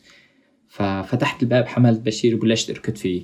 واركض فيه مو مثل الركض اللي بتتخيله اركض فيه مثل انت عم تزحف زحف على البطيء لأنه عم تاكل ضربة عم توقع عم تحمله من جديد وكل شيء على البطيء. في في ناس ميتين انت عم تمشي على جثث ناس ميتين بالكوريدور. مو انت ولا ماشي بطريقة عادي آه في ناس ميتة ناس آه ما عاد تقدر تمشي مكسرين رجلياتها كله أنا ماشي على على على الاجسام وماسك بشير. ف فجأة وأنا حامله وراكد فيه آه أسرع ما فيني يعني. آه وكل الدنيا كلها سودة قدامي ما عم شوف شيء أنا بس إنه بعرف بدي عم بهالاتجاه لازم شيء وفي مساجين حدا وراي عم ينكزني على كتفي ويقول لي يعني عمر وقف عمر وقف معا. وهالحكي كله بالهمس مساجين ما بتحكي. ممنوع نحن نحكي؟ عمر لبعد تمشي واقف واقف عمر. والناس عم تنكزني وهذا الشيء يعني مو بس بضيق الخلق أنا إذا فتلت بخسر كل الطاقة الموجودة عندي بموت بوقع على الأرض. يعني مجرد إني أفتل يعني هذا الشيء زيادة عن اللي أنا بقدر عليه. ف هذا الشخص اللي وراي صار يشك اضعافه بكتفه. يعني حط اضعافه اضعافه يدخلوا بكتفي وفتلنا هيك وقال لي لا عاد تمشي وقف بشير مات. فانا حامل بشير بنديات طلعت فيه على السريع بشير نايم فتلت ظهري وكفيت مشى وهذا الشخص صار يدل من وراي يقول لي وقف خلص بقى. بشير ما بيموت لأنه أنا ما بخليه يموت. آه لأنه ما في يموت لأنه ما خرج يتركني لأنه ما وقتها يعني. عرفت كيف بدك تموت ما فيك تموت هلا وأنا بالكوريدور يعني. حاملك وحاملك بتكفي معي للأخير. حامله هيك وبعد يعني بل بلش يعني آه يعني ما بعرف إذا أنتم حاملين حدا ميت بديات كان قبل. آه بس لما لما الواحد لما الشخص بيكون دايخ أو أو خلينا نقول دايخ آه ما في بيكون ما في توازن بالجسم. الجسم بيصير لين فبصير انسياء يعني بينساب الجسم بين من بين ديات يعني بيسحط من بين ديات. عم أحمله فما عم أقدر أحمله. عم يسلت من بين دياتي فاضطريت أنزل على الأرض حتى بس جلس حملته حتى أحمله بطريقة تانية. فهون طلعت فيه كان مغمض عيون. هون أنا عصبت كتير. ها. فصرت يعني بشير في فما يرد علي. أنا هون معصب لأنه أنا عم ينزل دم من راسي والدم عم يجي على وشه وانه يعني صرت امسك اضربه على وشه إنه في هلأ ما وقتها في بدك تساعدني ركز لي جسمك شوي مشان فيني أحملك صرت أضربه على وشه آه. وما في ما في آه. ومات بشير بهالكوريدور آه. وراح ومات مو مثل قبل يعني مات وبده يرجع يعيش مات مات وما عاد يرجع يعني مات وغير هيك أنا بدي أرجع على غرفي لحالي. صار لي فترة طويلة عم كل ما برجع من الحمامات برجع حامل بشير بنديات الناس بتطلع علي بشوفوا أمل فيني إنه حدا عم يساعد حدا تاني بكل هالقوة. فهلأ بدي أرجع على غرفي لحالي. حاولت أحمل لبشير والسج... في مساجين كلها رجعوني من الحمامات فكله عم يدفشني. فما عم أقدر عم حاول أحمل بشير عم حاول أشحط بشير ما عم أقدر والناس عم تدفشني. وخلص ما عاد أنا بعدت ما عاد شوف بشير أنا بالكوريدور. والدنيا عتم. ف فجأة وصلت على باب الغرفة فت على الغرفة والناس كلها عم تطلع علي. الناس اللي بالعالم طلع علي عيونها عم تقول لي نحن فخورين فيك إنك أنت عم تساوي اللي عم تساويه. كل عيونها كانت عم تطلع علي هيك ويسألوني. عيونها كان عم تسألني وينه بشير؟ تركته؟ أنا هون واقف هون واقف. ما عاد قدرت أتحمل. فجأة ركضت ركض رجعت. على الكوريدور طحش الناس السجان عم يضربني ويعيط علي شو عم تعمل ويا عرصع وكذا هالحكي. رجعت لقيت جسم بشير حملته ورجعت فيه على الغرفة. حطيته ب بمكانه بالغرفة. أنت إلك مربع صغير تقعد فيه ولكن الناس كانت بتحب بشير. الناس كلها وقفت حتى فينا لقحنا بشير يعني بالغرفة. آه. طلع أنا في بشير لسه ما بتأكد يعني لازم يكون عايش. حاول شوف إذا عم بتنفس لا. عم بتنفس عايش ما عايش قلبه هلأ بيرجع بعد ثانية بعد ثانيتين بعد دقيقة كل دقيقة بدي يروح. يعني حط حط حط إيدي على رقبته على قلبه شوف إذا عم في أي حركة. آه والناس عم طلع علي إنه إنه إنه ما يعني ما تحاول ما في شيء ما, ما راح تحصل شيء. آه بتذكر اني وقفت بمكاني. ما كان على فكرة ما كنت عم تفكر بشي خالص. يعني كنت واقف في مكاني أنا هناك وبشير ميت ميت جنبي كنت واقف ما كان في أفكار يعني فقط يعني صمت حتى بدماغي ما كنت عم فكر بأي شيء بس فقط عم بطلع على الحيط. الحيط اللي كله دم ما عم اعمل ولا شيء. ما بدي أطلع على الناس اللي موجودة حوالي اللي عيونها عم تسألني هذيك الأسئلة بس عم اطلع على الحيط. حتى فكرت إنه يعني بشير ولو كجسد مات بشير سيته كتير عايش فيني أنا. آه أنا حتى يعني كنت حاول قلد طريقة الطريقة كيف كان بشير يقعد كنت حاول اقلدها صوته آه، طريقة آه، إلقائه للشعر آه، كلماته اللي كان يقولها ميت وردة الله يجوزك كان يقول للناس. حاولت أستخدم هالكلمات كلها. كرمال كرمال يضلوا آه. عايش بيناتنا كل يعني الوقت. تستعمل زيت طريقة الحكي تع- تع- ترجع تعيشه بطريقتك يعني.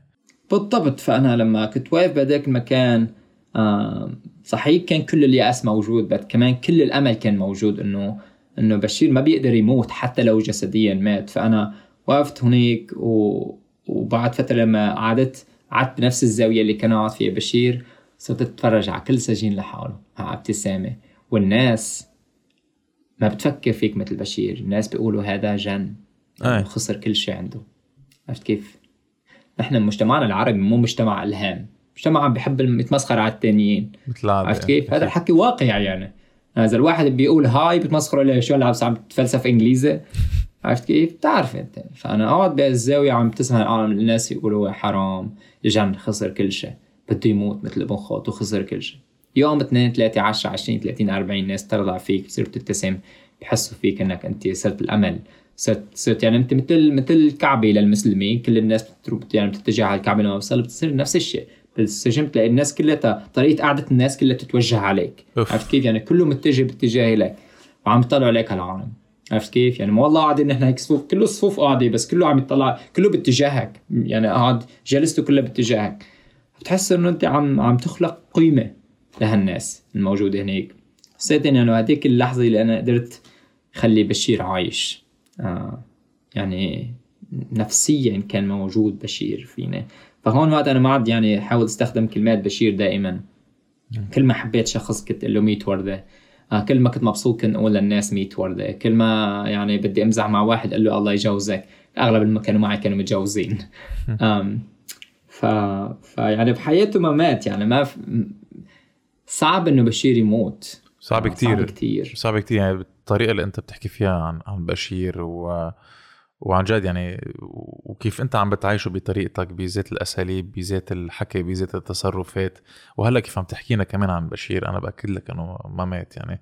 إذا طالما هو ألسنتنا بعده معنا الله يرحمه. و بدنا ننتقل على جزء تاني بعتقد اللي هو أنت بعتقد لمحت لها. ما بعرف University of Whispers ما هيك؟ it's sorry أنا كتير متاثره مشان هيك ما ما عم بحكي كتير. it's اسم ال website تبعك University of Whispers. لأنك كنت عم بتقولها أنتوا قاطعين بالكوريدور ما فيكم تحكوا بس بدكم وشوشوا مضيت ثلاث سنين آه توشوشوا في فترة بفتكر إذا ماني غلطانة ما كان لكم حق تحكوا مع بعضكم. كنتوا مسكرين على بعضكم وما كنت فيهم عم تحكوا وفي نهار في حدا قال لك شيء وبلش بلشتوا توشوشوا بين بعضكم؟ نحن بهالثلاث سنين كان دائما ممنوع نحكي. نحن كان ممنوع نهمس. إذا حكينا بيسمعوا صوتنا ولكن إذا همسنا ما كانوا يسمعوا صوتنا. لهيك كنا دائما نهمس بين بعضنا. فأنا بفترة طويلة بالسجن أكثر من ثلاثة شهور كنت صامت دائما. لأنه أنت ما بتعرف السجين الموجود جنبك مين. شخص الوكيل يعني الأشخاص الوحيدين اللي كنت أهمس معهم كانوا رشاد وبشير. فما كنت أتكلم مع الناس وبشير ما حدا يتكلم مع أي حدا. آه، ولو الناس أحيانا ساعدوك بيساعدوك على الصامت. انه ما حدا بيعرف أنت مين. ولكن ببساطة الناس عرفت إنه إحنا ضد النظام لأنه شافوا الجروح الموجودة بجسمنا. شافونا مقوصين شافونا في جروح. فعرفوا مباشرة إنه أنت ضد النظام والنظام بيكرهك. مو أنت ممكن تكون سجين ولكن هو أساسا سجان ولكن عطيله شوي ضرب حتى يكون يعني جاسوس بيناتنا. فالناس آمنت لنا الناس ساعدتنا مباشرة. فبتذكر مرة آه شخص كبير بالعمر جنبي يعني عمره شي 90 سنة كان. آه فتل على الشخص اللي جنبه وهمس. آه. وتسوى يعني صار له هذا الشخص ما حكى زمان زمان طويل صار له ما حكيان فشو بتتخيل السؤال يكون للشخص اللي جنبك. قال له شو اسمك؟ كيف بعد الخوف الطويل بده يحكي صار له شهور أول كلمة قال له إياها شو اسمك؟ أنا بس بدي أعرف مين جنبي. عرفت كيف؟ قبل ما أموت 90 سنة رح يموت من التعذيب يعني عرفت كيف؟ أنا قبل ما أموت بس بدي أعرف مين الشخص اللي جنبي إنه يكون على القليل له اسم ولو كذبت علي يعطيني بس اسم. عرفت كيف؟ قال له شو اسمك؟ وعنا بتعرف أنت بالمجتمع العربي آه لما بدك تعرف عن نفسك بتحط مهنتك أول شيء. بتقول أنا الدكتور كذا. أنا المهندس كذا. فوالله هذا الشخص اللي جنبه قال له قال له أنا الدكتور كذا كذا. فالشخص اللي جنبه تحمس قال له أنا المهندس كذا كذا. الجنب تحمس انه أنا المحامي كذا كذا. رد طلع دكتور تاني الطبيب النفسي هناك وأستاذ و... واقتصادي وكذا. بعدين ما حسيت لك إنه كل هاد يعني الأمور عم تلف حوالي وبده يجيني هالسؤال يا معلم. فجأة اجتني هذيك النكزة. أنت مين؟ شو اسمك يعني؟ وأنا يا معلم. خجلان. يعني أنا لا مهندس. ولا دكتور ولا أستاذ ولا يعني ولا ولا عامل تنظيفات ولا ولا شيء. عرفت كيف؟ أنا ولا شيء يعني. خجلت كثير خجلت كثير أنا ما بعرف شو بدي أعمل. ف ف بالأخير يعني نزلت راسي تحت لما نكزوني هديت مرات لأن اسمي عمر. آه. ما فيش إلا هذا الزلمة الختيار. هيك حطني وحاشني. وانت بهالظروف الصعبه ما حدا بيحوشك يا أخي. انت بالسجن وقتل وقبضايات حساس وكذا ما حدا بيحوشك. هذا الزلمه حاشني وقال لي أنت أنت اللي هذا أنت. أنا شو هذا أنت؟ يعني بيعرفني شايفني قبل. آه بس أنا هون استغربت إنه ليش عامل لي شو أنت؟ هذا أنت يعني. بعدين فهمت إنه هذا أنت عمر. آه بس إنه اسمي عمر كانوا ياخذوني يضربوني 100 شوط زيادة عن بقيه العالم آه كانوا يعذبوك زيادة على اسمك إذا اسمك خالد أو عمر كانوا يعذبوك زيادة. لأنه سنة. سنة. بالضبط. ف... فيعرفوا إني سني فياخذوني يعذبوني حتى أنا يعني 15 16 17 سنة ما بعرف شو الفرق بين السنة والشيعة والكذا ما بعرف خالص. ما بعرف إنه اسمك عمر بيأخذوك بيقتلوك زيادة في الناس تعاطفت معي آه فصاروا يعني يجوا يحوشوني يساعدوني. ف ال... باليوم الثاني رحت على التعذيب ورجعت. لما رجعت من التعذيب يعني الشخص اللي جنبي اللي هو دكتور مباشرة صار يحط إيده على على الجرح ويحاول يقول لي أنا بدي أحاول ساعدك أنا طبيب ويعني صار لي طبيب مدة 20 سنة وأنا كنت بهاي البلد وهاي البلد وكذا وكذا وكذا وكذا فخليني نساعدك. فصار يحاول يساعدني مشان الجروح ما تلتهب بعد دقيقتين بعدين بفتل على الجهة الثانية بيجي يدك طبيب نفسي اللي أنا بعرف يعني الظروف اللي عم نعيش فيها آه، محبطة نفسيا بتكلم. وأنت بتعرف الطب النفسي.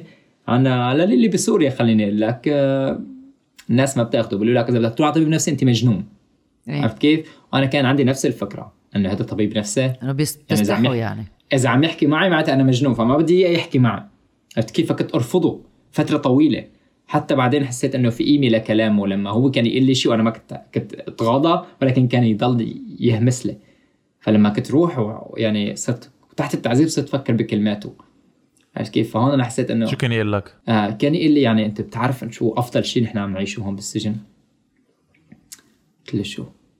قال لي التعذيب القتل اللي عم ناكله كل يوم هذا أحسن شيء أنت عم تعيشه الشيء الوحيد اللي عم خلاك عايش اليوم هو التعذيب وأنت لما بتسمع هالحكي بعد قتل طويل بدك تضربه بوكس على وشه وتهر له إيه. أسنانه صح؟ إنه هذا أحسن إحنا شيء عايشينه هو التعذيب يعني كتر خيرك على على التحليلات بعدين أنا فكرت فيها لما كنت تحت التعذيب إنه أنا عن جد لولا إني عم تعذب كل يوم كنت مت من زمان لأنه نحن قاعدين بمربعات صغيرة. أنت قاعد مقرفص الدورة الدموية بجسمك ما بتتحرك إذا أنت ما تحركت. يعني الدم ما بيتحرك بجسمك رح ي... رح تنشل رح تموت ما رح تمشي رح تموت مباشرة إذا ما تحركت. لما عم نمشي على التعذيب عضلاتنا عم تتحرك. لما عم يضربوك على كتفك عم تفتل كتفك عم يضربوك على راسك عم تتحرك هيك يمين ويسار. انت عم تتمرن كل يوم لما عم تروح على التعذيب وهذا أفضل شيء عم تعيش فيه كل يوم بهالتعذيب لأنك إذا قعدت بالمربع اللي قاعد أنت فيه بدون ولا حركة رح تموت وأنت ممنوع إنك تتحرك لما أنت بقعد هال 14 ساعة. انت عندك هالكم ساعة تعذيب كل يوم عم يخلوك تتحرك عم يخلوك تمشي عم يخلوك تركض. بتعرف هسه شو أحسن؟ لما تروح على الحمامات لأنه الحمامات كلها قتل. يعني بتفوت على تروح على الحمامات قتل ورجع قتل بعده هذا أحسن شيء. لأنه هدول بيوقعوك على الأرض بتوقع بتشد حركاتك عضلاتك رجلك كله عم يتحرك كل كل خلية فيك عم تتحرك هذا أحسن شيء عايشه. لما أنا بلشت أفكر بهالطريقة اختلف الوضع. لما أنت كنت تخاف من التعذيب شو صرت تفكر؟ إنه يلا إذا ضربوني قصة اشواط ثانية رح يقوى جسمي أكثر هذا الشيء ولو فيزيائيا مو يعني فيزيائيا مو مو سليم. آه نفسيا. أنت قويت نفسيا أنت عندك بتتقبل الضرب اللي عم. اللي عم يجيك كل يوم عرفت كيف؟ وهون هون الفرق الضخم. بين شخص إنه آه، رضيان بالواقع الموجود فيه وعم يستغل الواقع الموجود فيه وشخص عايش بخوف ومرعوب وما بده يأكل ولا ضربه زيادة. لأنه الضربه الزيادة جايتك. بغض النظر أنت شو بدك عرفت كيف؟ فلما أنت بتكون بدك الضربه الزيادة اللي جايتك فأنت هون يا معلم تعيش تعيش العز. فأمريكا قتل كل يوم حتى تعودت انت. والشيء الشيء المهم إنه الناس تعرفوا إنه بعد حوالي ست شهور من التعذيب جسمك بيتخدر. انت ما بيجي ما عاد بيوجعك كثير جسمك لما بيضربوك ولكن اللي بيوجعك دماغك. آه. هو هون وهون قلبك ودماغك إن أنت من الخوف من الضربه إنه هاي الضربة رح تموتني هاي الضربة رح توجعني هاي الضربة رح تكسرني هذا اللي بموتك أنت هذا اللي بموتك أكثر شيء. عرفت كيف؟ فأنا وصلت لمرحلة إنه يضربوني كل ما ضربتني الصدر بزيادة يحرق اخته وهاي شجرة جديدة بالجنة. عرفت كيف؟ على كل على كل ضربة بيضربوني إياها وقصة هلأ ب... يعني شخص مرة كنت أنا بال بالأرض يعني الطابق اللي عم بيعذبوني فيه وكان في شخص جنبي عم يحكي قتل وعم يعد. يعني 200 200 واحد 500 502 503 عم يهمس همس. فأنا جنبه يعني أنت رواسنا جنب بعض. فهذا الشخص لما رجعت على الغرفه كان قاعد جنبي ففكرت شو شو كنت عم تعمل هونيك شو عم تهمس آه فقال لي كنت عم عد شو عم تعد شو؟ قال لي عم عد القشطات اللي عم اكلها كل يوم قلت له شو؟ هذا الشيء بفاجئك ليش؟ ما لأنه عم يعد. مو لأنه شاطر بالرياضيات بس لأنه هن عم يضربوك أنت غالبا بتفقد الوعي. انت وجع بوجع يعني. انت ما عم يضربوك بقشاط مثل هذا القشاط اللي حاطه للبنطلون تبعك. يضربوك بقشاط يعني هو الكاوتشوك تبع السيارة تبع دولاب السيارة قاصينه يعني وزنه خمس كيليات. عرفت كيف؟ وعم يضربوك فيه. فإنك تقدر تعد هدول النشاطات ليست بالمهمة السهلة ابدا. فطلعت في هذا الشخص ذكرني كتير ببشير. كتير ابتسام ابتسامة كبير. كان عمره 39 سنة. ابتسامة كبيرة وقال لي أنا عم عد. كل قشاط بيضربوني إياه أنا رح حصل على على مكافأة بالجنة من رب العالمين على القشاط اللي عم آكله فأنا عشان حتى سهل الأمور على حالي. كل ما بيضربوني قشاط بصير بتخيل شجرة طالعة جديدة عندي بالجنة. بهالحدا اللي عندي إياها بالجنة؟ فخل كل ما ضربوني أكثر كل ما عندي شجر أكثر كل ما عندي فواكه أكثر للمستقبل. آه يعني شطين ثلاثة ساعة احسن يعني. قلت إيه هدول الأشخاص؟ هدول بغيروا لك يعني معنى الحياة كلهم. أنت أول شيء ما أول شيء ما ما بتامن بالفكرة حتى تجربها. عرفت كيف؟ أنا بروح على التعذيب اليوم اللي بعده بيضربوني شوط قول واحد. يعني شوطين ثلاثة بعدين بفقد الوعي ما بعرف شو كنت عم اعمل بنسى إنه كنت عم عد بعدين اليوم اللي بعده بحاول من جديد أخجل أرجع إنه أنا 17 18 سنة هلأ ابو ضاي زلمه 39 سنة عم يعد أكثر مني. عرفت كيف؟ أنا على الشباب الأول فكنت أخجل ما كنت أقول له إني عديت. عد مرة تنتين ثلاثة أربعة أفشل أرجع من جديد. عد وصلت لل100 وصلت لل200 بعدين حتى وصلت للأرقام اللي كان هو يعدها حتى رجعت قلت له اليوم أنا عديت. ووصلت على الأرقام اللي أنت كنت تتعدى شو كانت الأرقام؟ يعني شو كانت الأرقام؟ يعني كنا نحن كنا أيام ناكل توصل لل 700 800 شوط على ظهرك فكانوا يوجعونا الشباب كانوا يوجعونا يعني أنت فترة طويلة وقت طويل عم تاكل عم تاكل قتل آه. مو مو والله دقيقة ودقيقتين ما ما في سجانه عم تجوا عم يضربوك على السريع وعلى البطيء وبيجي سجان جديد ولازم السجان الجديد يتدرب عليك فلازم يقتلك 200 شوط 300 شوط فكتير كثير كان في قتل. ف لما أنت بتوصل لسلام داخلي مع كل شيء عم تعيشه حتى التعذيب ما عاد تواجه المشاكل آه اللي بقيه المساجين بتواجهها. بصير هون أنت بدك تعلم الناس. تصير المساجين اللي حواليك بدك تقول لهم كيف أنتم بتقدروا تستمتعوا بهالحياة الموجودة نحن فيها. كنت أنا لأنه بح... أنا بحياتي بالسجن ما فكرت إني راح أعيش وأطلع برا السجن. بس كنت مؤمن تماما إنه أنا فيني أتعب حتى يكون عندي أفضل حياة ممكن شخص يعيشها بالسجن. okay so so ما, ما so ما كنت تفكر إنه رح تقدر تطلع من السجن؟ ش... يعني شلت هيدي الفكرة كليا من راسك؟ خلص يعني اعتبرت إنه سجن سدنايا آه، هو خلص المحل الأخير اللي أنت حتكون فيه ولحقنا وجينا وخلينا نعمل أفضل شيء ممكن كرمال نقدر نضايم من هالفترة. بهالفترة. بالضبط. كل شخص جنبي كان عم يموت. بحياتي ما شفت ولا شخص عم يطلع لبرا فما كان عندي ولا سبب إني أفكر إني أنا رح أطلع لبرا بس طلعت أنت. فأمنت إنه أنا رح موت هون بالسجن. ورح موت هون بالسجن. فرح أعيش أفضل حياة بقدر أعيشها بالسجن. وطلعت. والله طلعت. يحرق اختها كيف طلعت؟ كيف طلعت؟ آه يعني أنا بحياتي ما صدقت. يعني وصلت وصلت على تركيا. وسيت كنت مفكر إنه أنا عم أحلم شو صار على المزبوط؟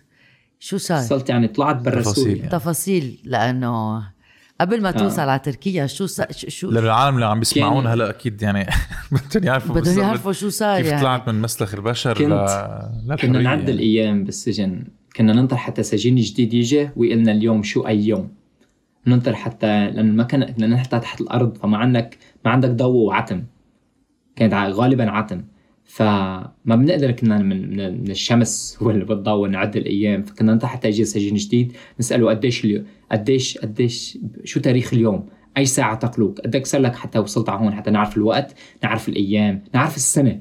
عرفت كيف؟ لأنه كانت تمرق مثلا أحيانا نحن ما بنعرف إحنا بأي فصل.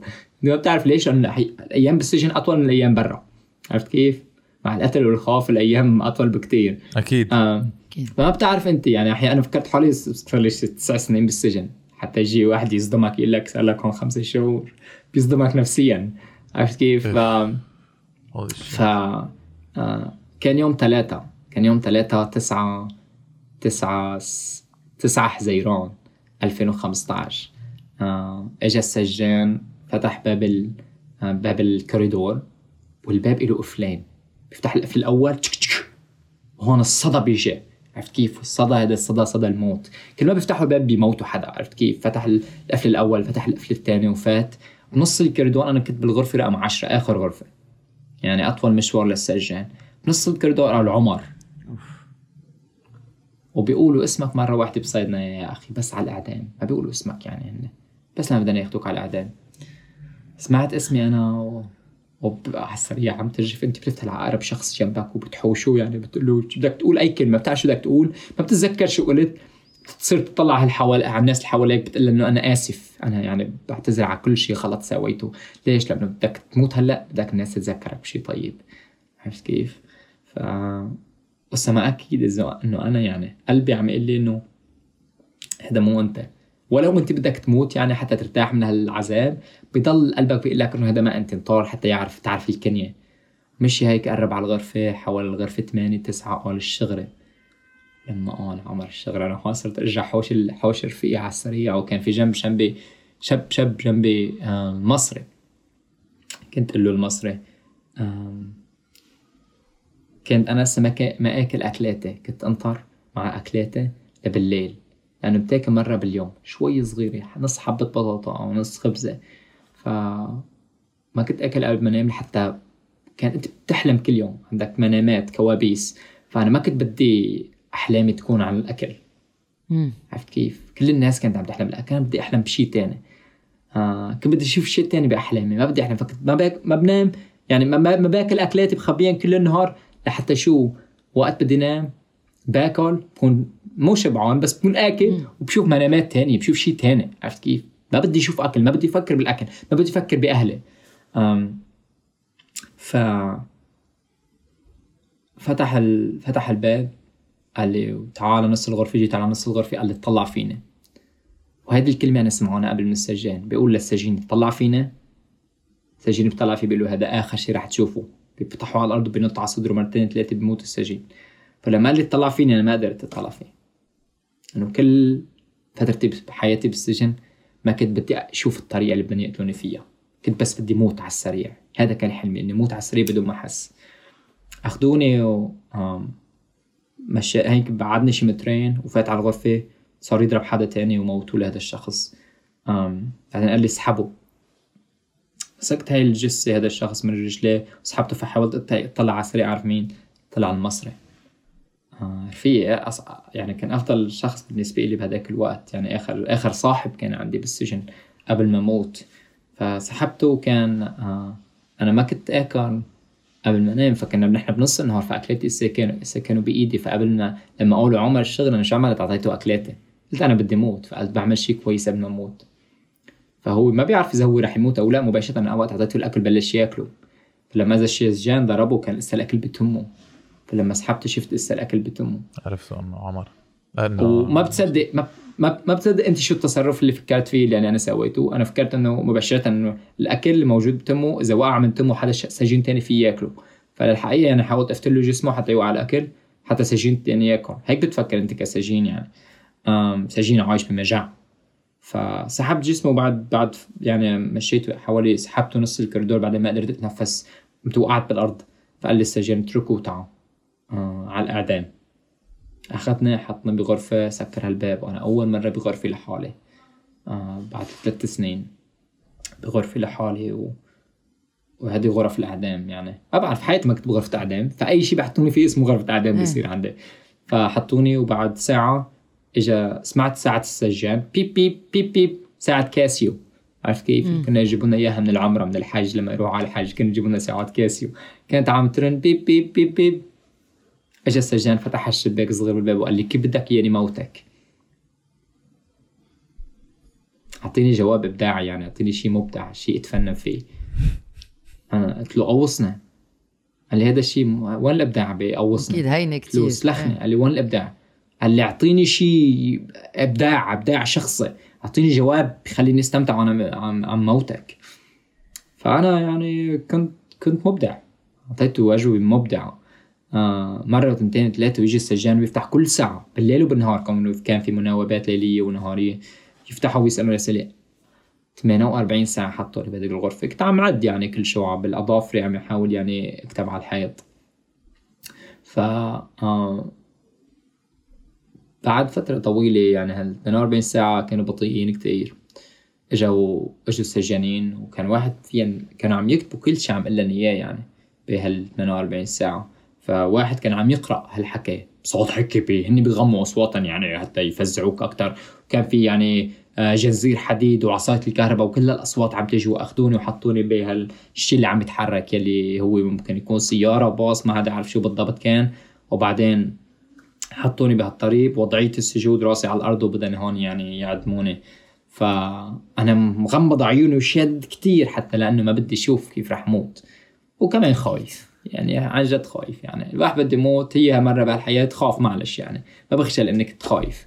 ف يمشي هالضابط وراي بعدين وقف هالضابط فجأة. قال لقم. هون أنا ما كنت أعرف كم شخص وراي. كان بس في هالضابط عم يتحرك. فلما قال لقم كل هالبواريد عم تلقم وراي يعني. هيبة. عن جد مثل جبل شيخ الجبل. آه يعني قاعد هنيك وكل هال كل هال كل هالسجانين وراي كله جاي حتى يعدموني أنا. أنا إذا بتنفخ علي بموت. وزني 34 كيلو كنت كنت إذا بتنفخ علي بموت ليش كل هالجيش؟ ف قال له سدد وهون تحركت البارودات شوي. كله موجه علي على ما أعتقد يعني أنا كنت راسي بالأرض. وقال نار. هو يحرق. أخت قديش كان الموت حلو. لو بعرف إنه أنا الموت ما بموجع كنت مت من زمان. عوصونا ومتت وما وجعني شي خالص. أنا يعني بس أول مرة بموت يعني ما بعرف كيف كيف كانت بالواحد بحس. ما كنت بعرف بالضبط كيف كان يعني لازم يكون شعوري فرحان زعلان خسران آه، فايز أو شو يعني ما بعرف كيف الشعور المناسب للموت رح يكون. ما وجعني شيء هذا بسطني كثير إنه الموت طلع ما بوجع. يعني انبسطت إنه أنا أول شيء ما وجعني ثاني شيء كل الناس اللي ماتت بشير اللي مات ما وجعوا الموت. هذا اللي فكرت فيه أنا. آه. بعد فترة وأنا هون مباشرة دماغك لأنه تعلم وأنت صغير إنه في جنة. آه أنت إذا كويس بتروح على الجنة أو ما أو ما شابه يعني مباشرة. أول ما أوصوني ومتت صرت أتخيل حالي ماشي. هيك بكان مكان أبيض إضاءة عالية كتير يعني. تعرف؟ وفي باب كبير رح أفتحه هونيك رح فوت على الجنة. بتعرف أنت المنام الحلو ما بيخلص إلا بالوقت ال... الوقت البشع.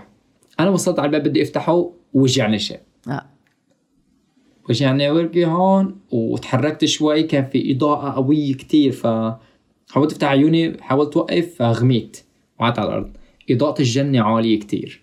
يعني الواحد بده نظارات شمسية حتى في يقدر يعني يخلص امور هنيك. فانا يا أخي غميت فقت من جديد والإضاءة قوية كتير بحاول يعني يعني سكر عيوني شوي أفتح على البطيء حتى أقدر أشوف. حلوة حلوة حلوة كتير كتير كتير الجنة. كان في شجر أخضر وكان في هال هالعصافير الطايرة وأنا كتير كنت بحب العصافير وكان في هالألوان يعني ألوان كان في سما زرقاء والشمس وهالألوان كلها أنا صار لي سنين. مش شايف سنين طويلة ما شايف ألوان. فأنا يعني انبسطت كتير بعدين نزلت أنا صار لي يعني ثلاث سنين صار لي عم ألمس هالدم وهالوجع على طول وهالجروح فقلت بدي أنزل على الأرض. بتعرف أنت إذا رحت على القمر هلا بدك تجيب لك كمشة تراب حجرة أي شيء نزلت على الأرض بدي بدي أجيب لي كمشة تراب من هالجنة يا معلم. نزلت فهون أنا شو؟ شفت جرياتي. فأنا يعني رجلي كانوا كانوا كلهم دم. وتع... يعني ألوان زرقاء وكذا من التعذيب. وأنا تعلمت من صغري. بالجنه ما في دم. هون أنا تدمرت كل أحلامي.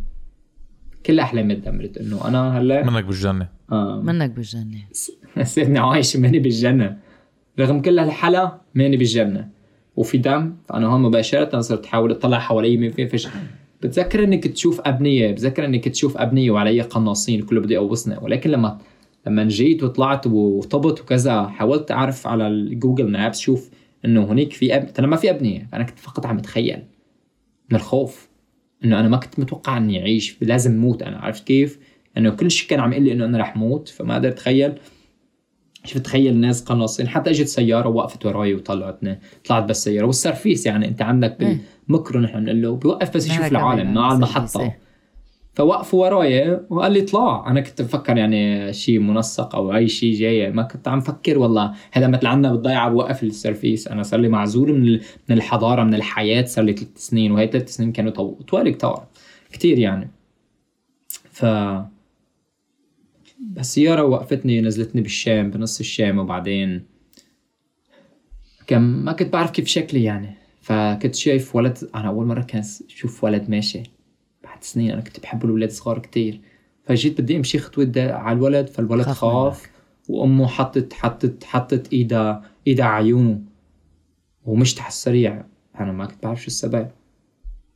حتى إجا زلمة وأخذني اللي هو كان مزبط أمور الأعدام يعني الأعدام الوهمي آه وتهريبتي من السجن بهالطريقة لأني ما كنت بعرف شو عم يصير. ابدا. و آه وأخذني على أوتيل غرفة أوتيل. هونيك شفت حالي على المراية. بتذكر إني عم بطلع أول ما فتت ما كان في فكرة المراية براسي.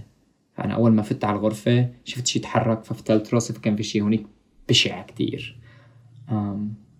فقربت هيك وكل حركة عم تتحرك مثلي. فهمت أنا إنه مراية بس قربت لأنه الشكل كان كتير مقرف. يعني كتير شكله بشع هذا الهيكل العظمي اللي كان عندك توبركلوسيس صح؟ كان مرض السل وكان الدم عم يجي من أنفي دم من تمي دم من داناتي دم من عيوني ما كان علي شعر ما كان علي حواجب ما كان علي شيء عرفت كيف؟ فجيت أنا بطلع على ذاك وأنا بتذكر حالي شخص شب حليوه هيك يعني نفسيا بتذكر بتذكر حالي شخص حليوه يعني فقربت هيك وبدي أمسحه لهالشخص من هالمراية وحط إيدي على المراية وامسحه ما عاد يروح ما عاد يروح صرت بعدين رحت طفيت الضوء حتى ما عاد شوف حالي لاني كثير ما عاد أتحمل. بعدين الزلمة اللي جنبي قال لي هلا أمك بتدفع 20000 دولار أنا ببعتك لأمك. 20000 دولار شو؟ قال لي أنا طلعت لك من السجن. آه. دفعت 10000 دولار وأمك بدها تدفع 20000 دولار حتى تاخذك مني. قلت له كيف طلعت أنت؟ كيف هربت من السجن؟ أنا أنا رحت اعدام أنا متت أنا ميت. نحن ما نحن ما نحن نحن بجهنم بشكل نهار. عرفت كيف؟ قال لي لا لا نحن كان في شخص تاني رح يتم إطلاق سراحه وأنت كان يوم كانوا ياخذينك على الأعدام. فموتوا لهداك الشخص حطوا اسمك عليه واخذوك بداله إطلاق سراح يعني مصري رفيقي يعني أنا كنت بحبه بحبنا مات كان هو اليوم يلي رح تطلع فيه لعند أمه. أنا كان اليوم اللي تم فيه اعدامي فبدلوا أسمانا وطلعونا من السجن. هيك طلعت من السجن. مو أحلى طلعة من السجن الواحد بيتمناها ولكن هيك طلعت من السجن. و آه. وبعدين كنت مريض سل طلعت على تركيا التقيت بأمي. وبعدين كنت التقيت بأمي أبشع لقاء بالأم ممكن الواحد يتخيله. آه. لأنه ما كنت بتذكر أمي. أنا كان صار لي ثلاث سنين عم قتل معذبيني بالكهرباء معذبيني بألف طريقة فما كنت بتذكر أمي. المشكلة إنه ما كانت أمي تعرف إنه هذا أنا لأنه كان شكلي متغير كتير. فما كان فيني شيء بيشبه عمر. آه فكان في مشاكل يعني هناك لحتى عرفت إنه أنا أنا كانت الشرطة التركية وال وال, وال يعني الإسعاف إجوا لأنه أنا مريض سل بدهم يعزلوني فأخذوا عزلوني شهر ما شفت أمي ما التقيت بأمي. بعدين أمي قررت تبعتني على أوروبا حتى اتلقى علاج لمرض السل. وبلشت حياتي بأوروبا وصلت على السويد. آه وقررت إنه أنا بدي أعطي محاضرات أتكلم للمجتمع السويدي عن عن الشيء اللي عم يصير بسوريا. بعدين حسيت إنه يعني ما فيني أحكي لهم قصص. صعبة. ما فيني احكي لهم عن الموت لأنه ما بيفهموا ما عاشوا هاي التجارب. ما فيني يعني يعملوا ريلاتير ما فيني ما في شيء بحياتهم فيني يعني يوصلهم يستوعبوه. يستوعبوه يعني. فقررت إنه اعطيني أتكلم عن القصة بزاوية مختلفة تماما يلي هو The University of Whispers. كل شخص حوالي بالسجن كيف علموني داير بالنا علي؟ كل شخص همس. الدكتور حكاني كيف بدي دير بالي على جروحي والطبيب النفسي حكى لي كيف بدي يعني أعيش أسعد لحظات حياتي رغم الألم اللي عاشه المهندس كيف رح نرجع نعمر السجن ونعمله متحف ويعني والمحامي كيف رح نعمر بلد جديد بدون دكتاتورية وسجن جديد بدون دكتاتورية؟ فهدول الأشخاص اللي علموني بالفترة اللي لازم كان يكون فيها بالجامعة. فعلموني كل شيء حتى أنا حسيت بالفخر إني موجود بين هالناس. وبعرف إن أنت بتعرف استاذين عربي ما بيقعدوا جنب بعض على توة العشاء لأنه يعني آه، منافسين لبعض. صح. فكله بالسجن قاعد سوا كله بكل تواضع وبحب علمنا كل شيء لحتى نقدر نعيش يوم ويومين ثلاثة وحتى نكون يعني أفراد فعالين بالسجن. واليوم الحمد لله فعالين بالمجتمع أو المجتمعات الدولية يعني. ف حسيت يعني بعد بعد فترة من من وصول لمرحلة الأمان والشفاء الجسدي والنفسي إنه أفضل ثلاث سنين عشنا بحياتي إنه هالثلاث سنين بالسجن. لولا أنا كنت بالسجن على آه على على مو سبيل المثال للحقيقة يعني. لولا أني كنت بالسجن كنت مت بالمجزرة يلي مات فيها والدي وأخواتي بال 2013 المخابرات اقتحموا المخابرات السورية بساعة ال ساعة الإيرانيين وحزب الله اقتحموا قريتنا وسووا مجزرة مات فيها والدي وأخوتي الشباب. لو أنا كنت برا كانوا ذبحوني مثل مثل مثل أهلي. فالسجن حماني. لولا مع, مع أني تعرضت للتعذيب يعني السجن حماني. لو لاني كنت بالسجن ما كنت تعرضت لمرض السل ما كنت اضطريت روح على أوروبا. لو ما إني جيت على أوروبا ما كنت حصلت يعني الإمكانيات اني إني أتعرف على ناس يقودوني يساعدوني أوصل لمراحل تقدر أقدر فيها ساعد الشعب السوري. تقدر اتعلم ثلاث أربع لغات واقدر روح اتكلم للخارجية الأمريكية أو لأعطي شهادتي بمجلس الشيوخ أو مجلس النواب أو يعني آه، أعطي تيد تيد تيد توك أو ما شابه. يعني شكرا للسجن. آه، صار عندي قصة بقدر ساعد فيها نفسي وساعد فيها ناس تانيين. قديش ناس ما ما فاتت على السجن؟ قديش ناس ما تعذبت؟ قديش ناس حياتها كويسة ومكتئبين نفسيا؟ آه عمر لما في كتير انت رحت على السويد آه إذا ماني غلطانة كان خيك صغير معك لأنه أنت كنت كتير تعبان. آه رحت من تركيا على السويد. ما ما رحت عند حدا أنت. رحت لتلاقي بلد وين تقدر تتعالج. مزبوط؟ وما كنت رايح عند حدا وصرت على السويد وتعرفت على شخص. أنا ما كنت أنا ما كنت بعرف خارطة أوروبا يعني ما كنت بعرف السويد موجودة ولا كنت رايح على أي بلد محدد. وأنا ما قالوا لي روح على أوروبا حطوني بهالقارب المطاطة مع أخوي صغير عمره 10 سنين وقالوا لي هذا بدك تروح على أوروبا. فلما وصلت على اليونان أنا فكرت الرحلة خلصت. انه وصلنا هلأ بدنا يعالجونا. طلعت هلأ بلشت الرحلة. فمن اليونان على رحنا على مقدونيا مقدونيا على صربيا صربيا على كرواتيا كرواتيا على سلوفينيا من سلوفينيا رحنا على على النمسا من النمسا على ألمانيا من ألمانيا على الدنمارك من الدنمارك على السويد. السويد أول بلد. أعطاني دواء لمرض السل ما كان حدا عم يعطيك قبل؟ ما كان حدا عم يعطيني لأنه كان في آلاف مئات الآلاف من اللاجئين وكل اللاجئين عم يقولوا أنا مريض وأنا تعبان وكذا فما كان حدا يعطيك يعطيك اهتمام خاص كون كان في مئات الآلاف. فحتى قدرت ل يعني قدرت حتى بالسويد إلا إنه أنا مرض السلو مرض معدي. يعني ما كنت بحكي ولا لغة. يعني ما بحكي إنجليزي ما بحكي سويد ما بحكي ولا لغة ما فيني أوصل رسالتي ما فيني يعني ما كان أنا ما كان خسرت كل شيء اسمه الثقة بأي إنسان عرفت كيف؟ كون كنت بالسجن لحتى بنيت الثقة أخذت سنين حتى يقدر يعني آمن بأي شخص فما كنت أستعمل أي مترجم أي حدا آه فما قدرت توصل رسالتي انه أنا مريض سلو المرض بيعدي ابدا ونحن بعايش برعب إنه رح موت بأي لحظة وإذا مت أخوي رح يتيتم ما حدا ليه بيعرف وين ليه أمك ما كانت آه. معك بس كرمال العالم تفهم؟ لأنه أمي لأنه الرحلة بالقارب ممكن نموت فيها نحن. وأنا كان عندي اثنين إخواتي لساتهم عايشين حمزه وعلي.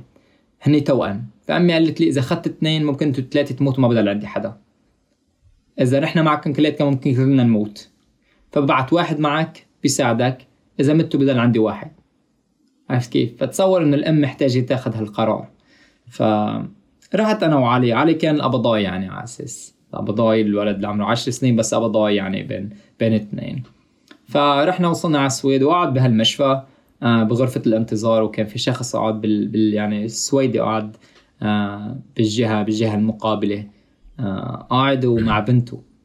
والسويديين حلوين حلوين حلوين حلوين يا حرق أخت الحلا. وأنا قاعد عم أطلع على هالبنت الحلوة. فجأة يعني هيك زحيت يعني إنش واحد زحيت بصري طلع لقيت الاب عم يطلع فيني. آه. فيعني نزلت راسي وانتقل الأب وقعد جنبي وبلش يحكيني بالسويدي بس أنا ما كنت بحكي سويدي. قام قلب على الانجليزي بس ما كنت بحكي إنجليزي يعني. ف صار يحاول يذكر اسم لغات.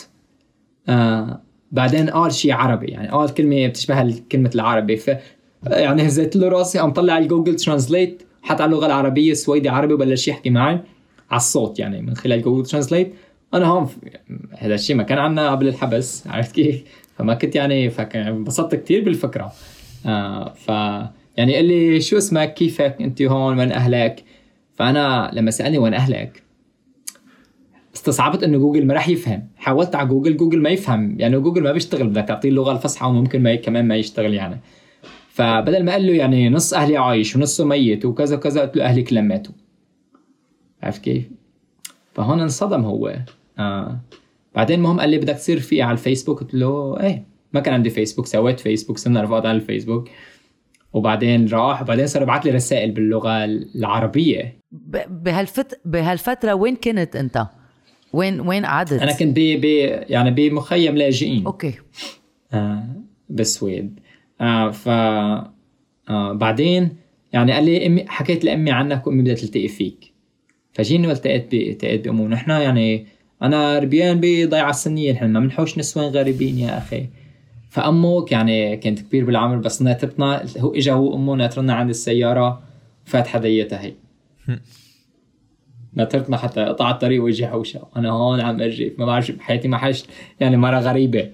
فما بعرف شو بدي أتصرف ما بعرف كيف بدي أسوي صحيح إنه موقف صغير بس كان أكيد. كبير كبير كتير. آه فأخوي صغير كتير عليه عليه شيطان بيقولوا له. عليه مو سهل ابدا يعني. فماشي جنبي وعلي عم يقول لي إذا بتحوشها بدي دق لأمك بدي خليها تعفسك عرفت كيف؟ فبمشي هيك بقطع الطريق جيت ما فيك تهرب يعني. مسكتها حشتها مثل إذا أنت صدمة كهرباء فحست هي إنه في شيء غريب. هي متعودة نسيت يعني ما فكرت بالموضوع. إنه مثلا هو ما بيحوش عرفت كيف؟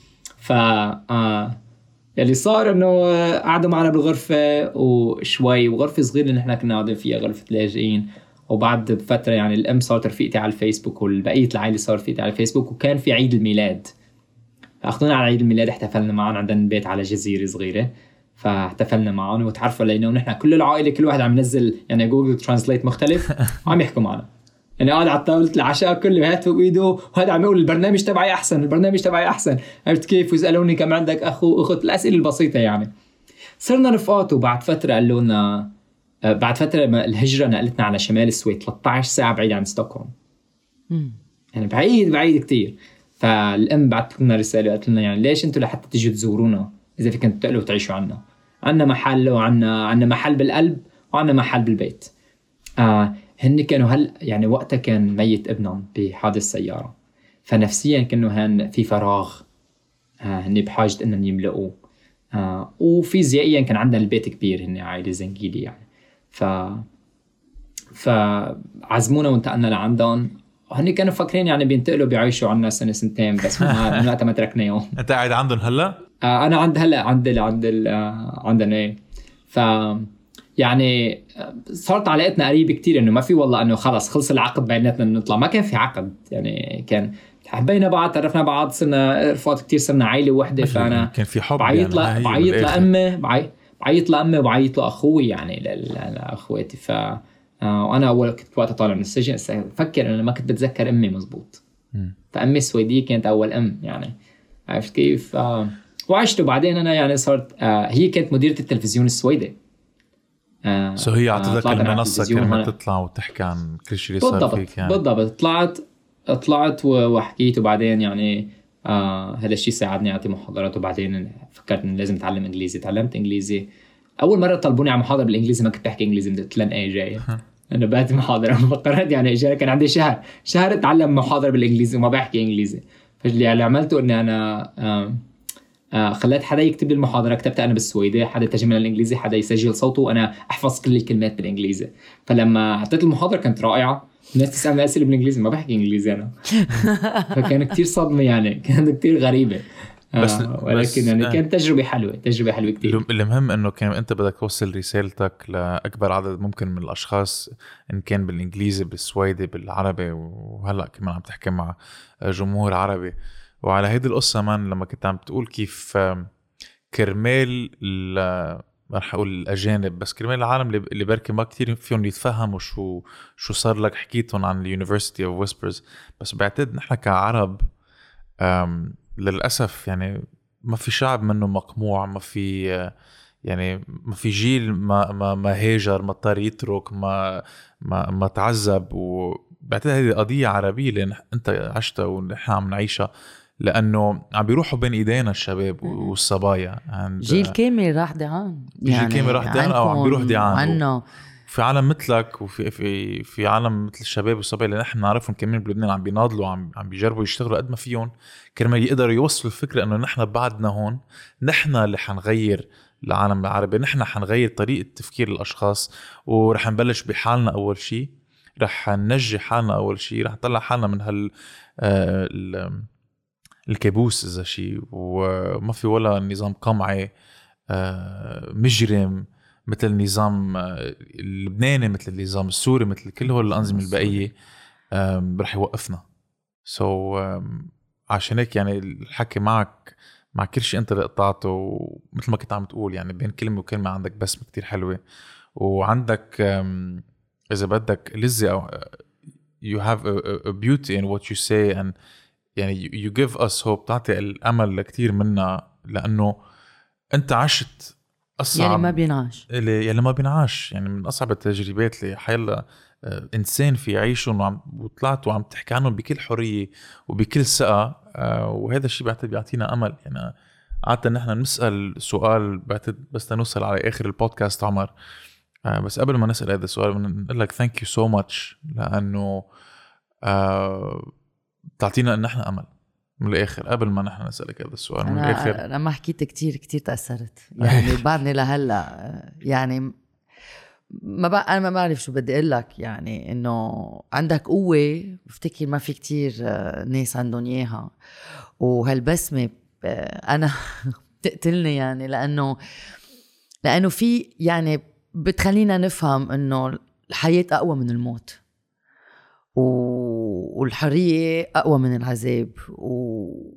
وكل شيء عم عملته لليوم ويلي عم تعمله يلي رح تعمله كمان أقوى من النظام السوري وأقوى من العذاب وكل شيء عشته. وهيدا بفتكر كمان des leçons de vie إيه إنه درس حياة. درس حياة عم تعطينا إياه لإلنا وللناس يلي رح يحضروك يعني.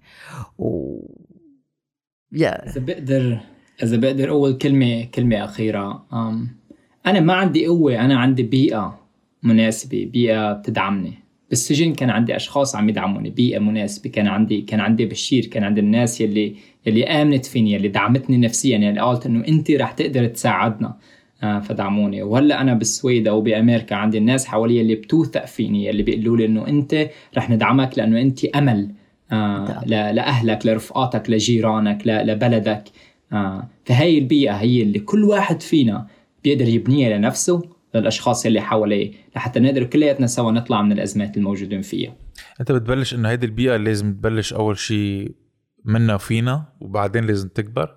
كيف أولك لازم تصير؟ يعني أنت كنت عم تبنيها وقتها كنت عم تضحك للأشخاص بالسجن ما هيك عم تضحك؟ لهم كانت عم تطلع أول شيء منك بعدين الأشخاص صاروا يجوا لعندك و ويشوفوك كشخص هن فيهم يسووا فيه وبعدين أنت عملت بيئة حاضنة بس بلشت منك صح؟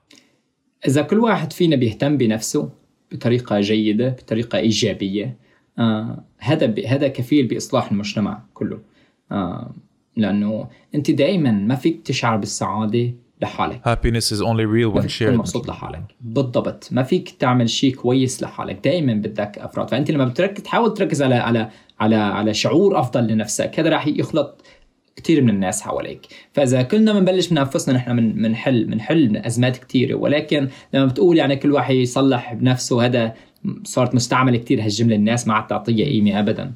ف انت أنت يعني كل شخص فينا يحاول يحاول يلاقي يعني الجهه الجهه المنيره الحلوة بهالحياة. آه كل واحد فينا عنده مشاكله. يعني اللي عايش مرفه عنده مشاكله اللي عم يتعذب عايش مشاكل كله عنده مشاكله. أهم شيء إنه ما نقلل من قيمة هالمشاكل الناس عايشين. يعني إذا عايش عشت بالسجن تعذيب ما بصير إني أقلل من المشاكل يلي يلي مثلا اللي حدا أهله طلقوا آه المشاكل يلي عايشينها. كل المشاكل صعبة. آه كل المشاكل بدها اهتمام بدها احترام. آه وهذا الشيء نحن آه مهم إنه نعرفه مهم إنه ما نقارن مشاكلنا بمشاكل الناس. آه لأنه كيف نفسيا الواحد بيتقبل الشيء اللي عايشه هذا الشيء اللي بي بي بيدل يلي بيدل وبي يعني بحط مستوى الصعوبة اللي عايشينه. ممكن تجربتي بالسجن مو بصعوبة شخص مكتئب بسبب الرفاهية اللي عايشة. ما حدا بيعرف يعني. فمن هالمنصة أنا بدي أوجه احترامي لكل شخص عم يعاني بحياته. وبيقدر يروح على المراية ويشوف شخص حلو قدامه. آه أنا كتير بشوف شخص حلو بهالمراية كل يوم الصبح والمساء والظهر لما بتطلع. wow. نحن عم نشوف شخص كتير حلو قدامنا كمان. إيه. thank you شكرا على السردة يا عمر. الله شكراً يجوزك على إن شاء الله كل شيء. بنشوفك قريباً. وكل شيء وردة، 100 مية وردة. وردة. 100 وردة يا عمر. ثانك يو thank you طيب يلا السلام عليكم.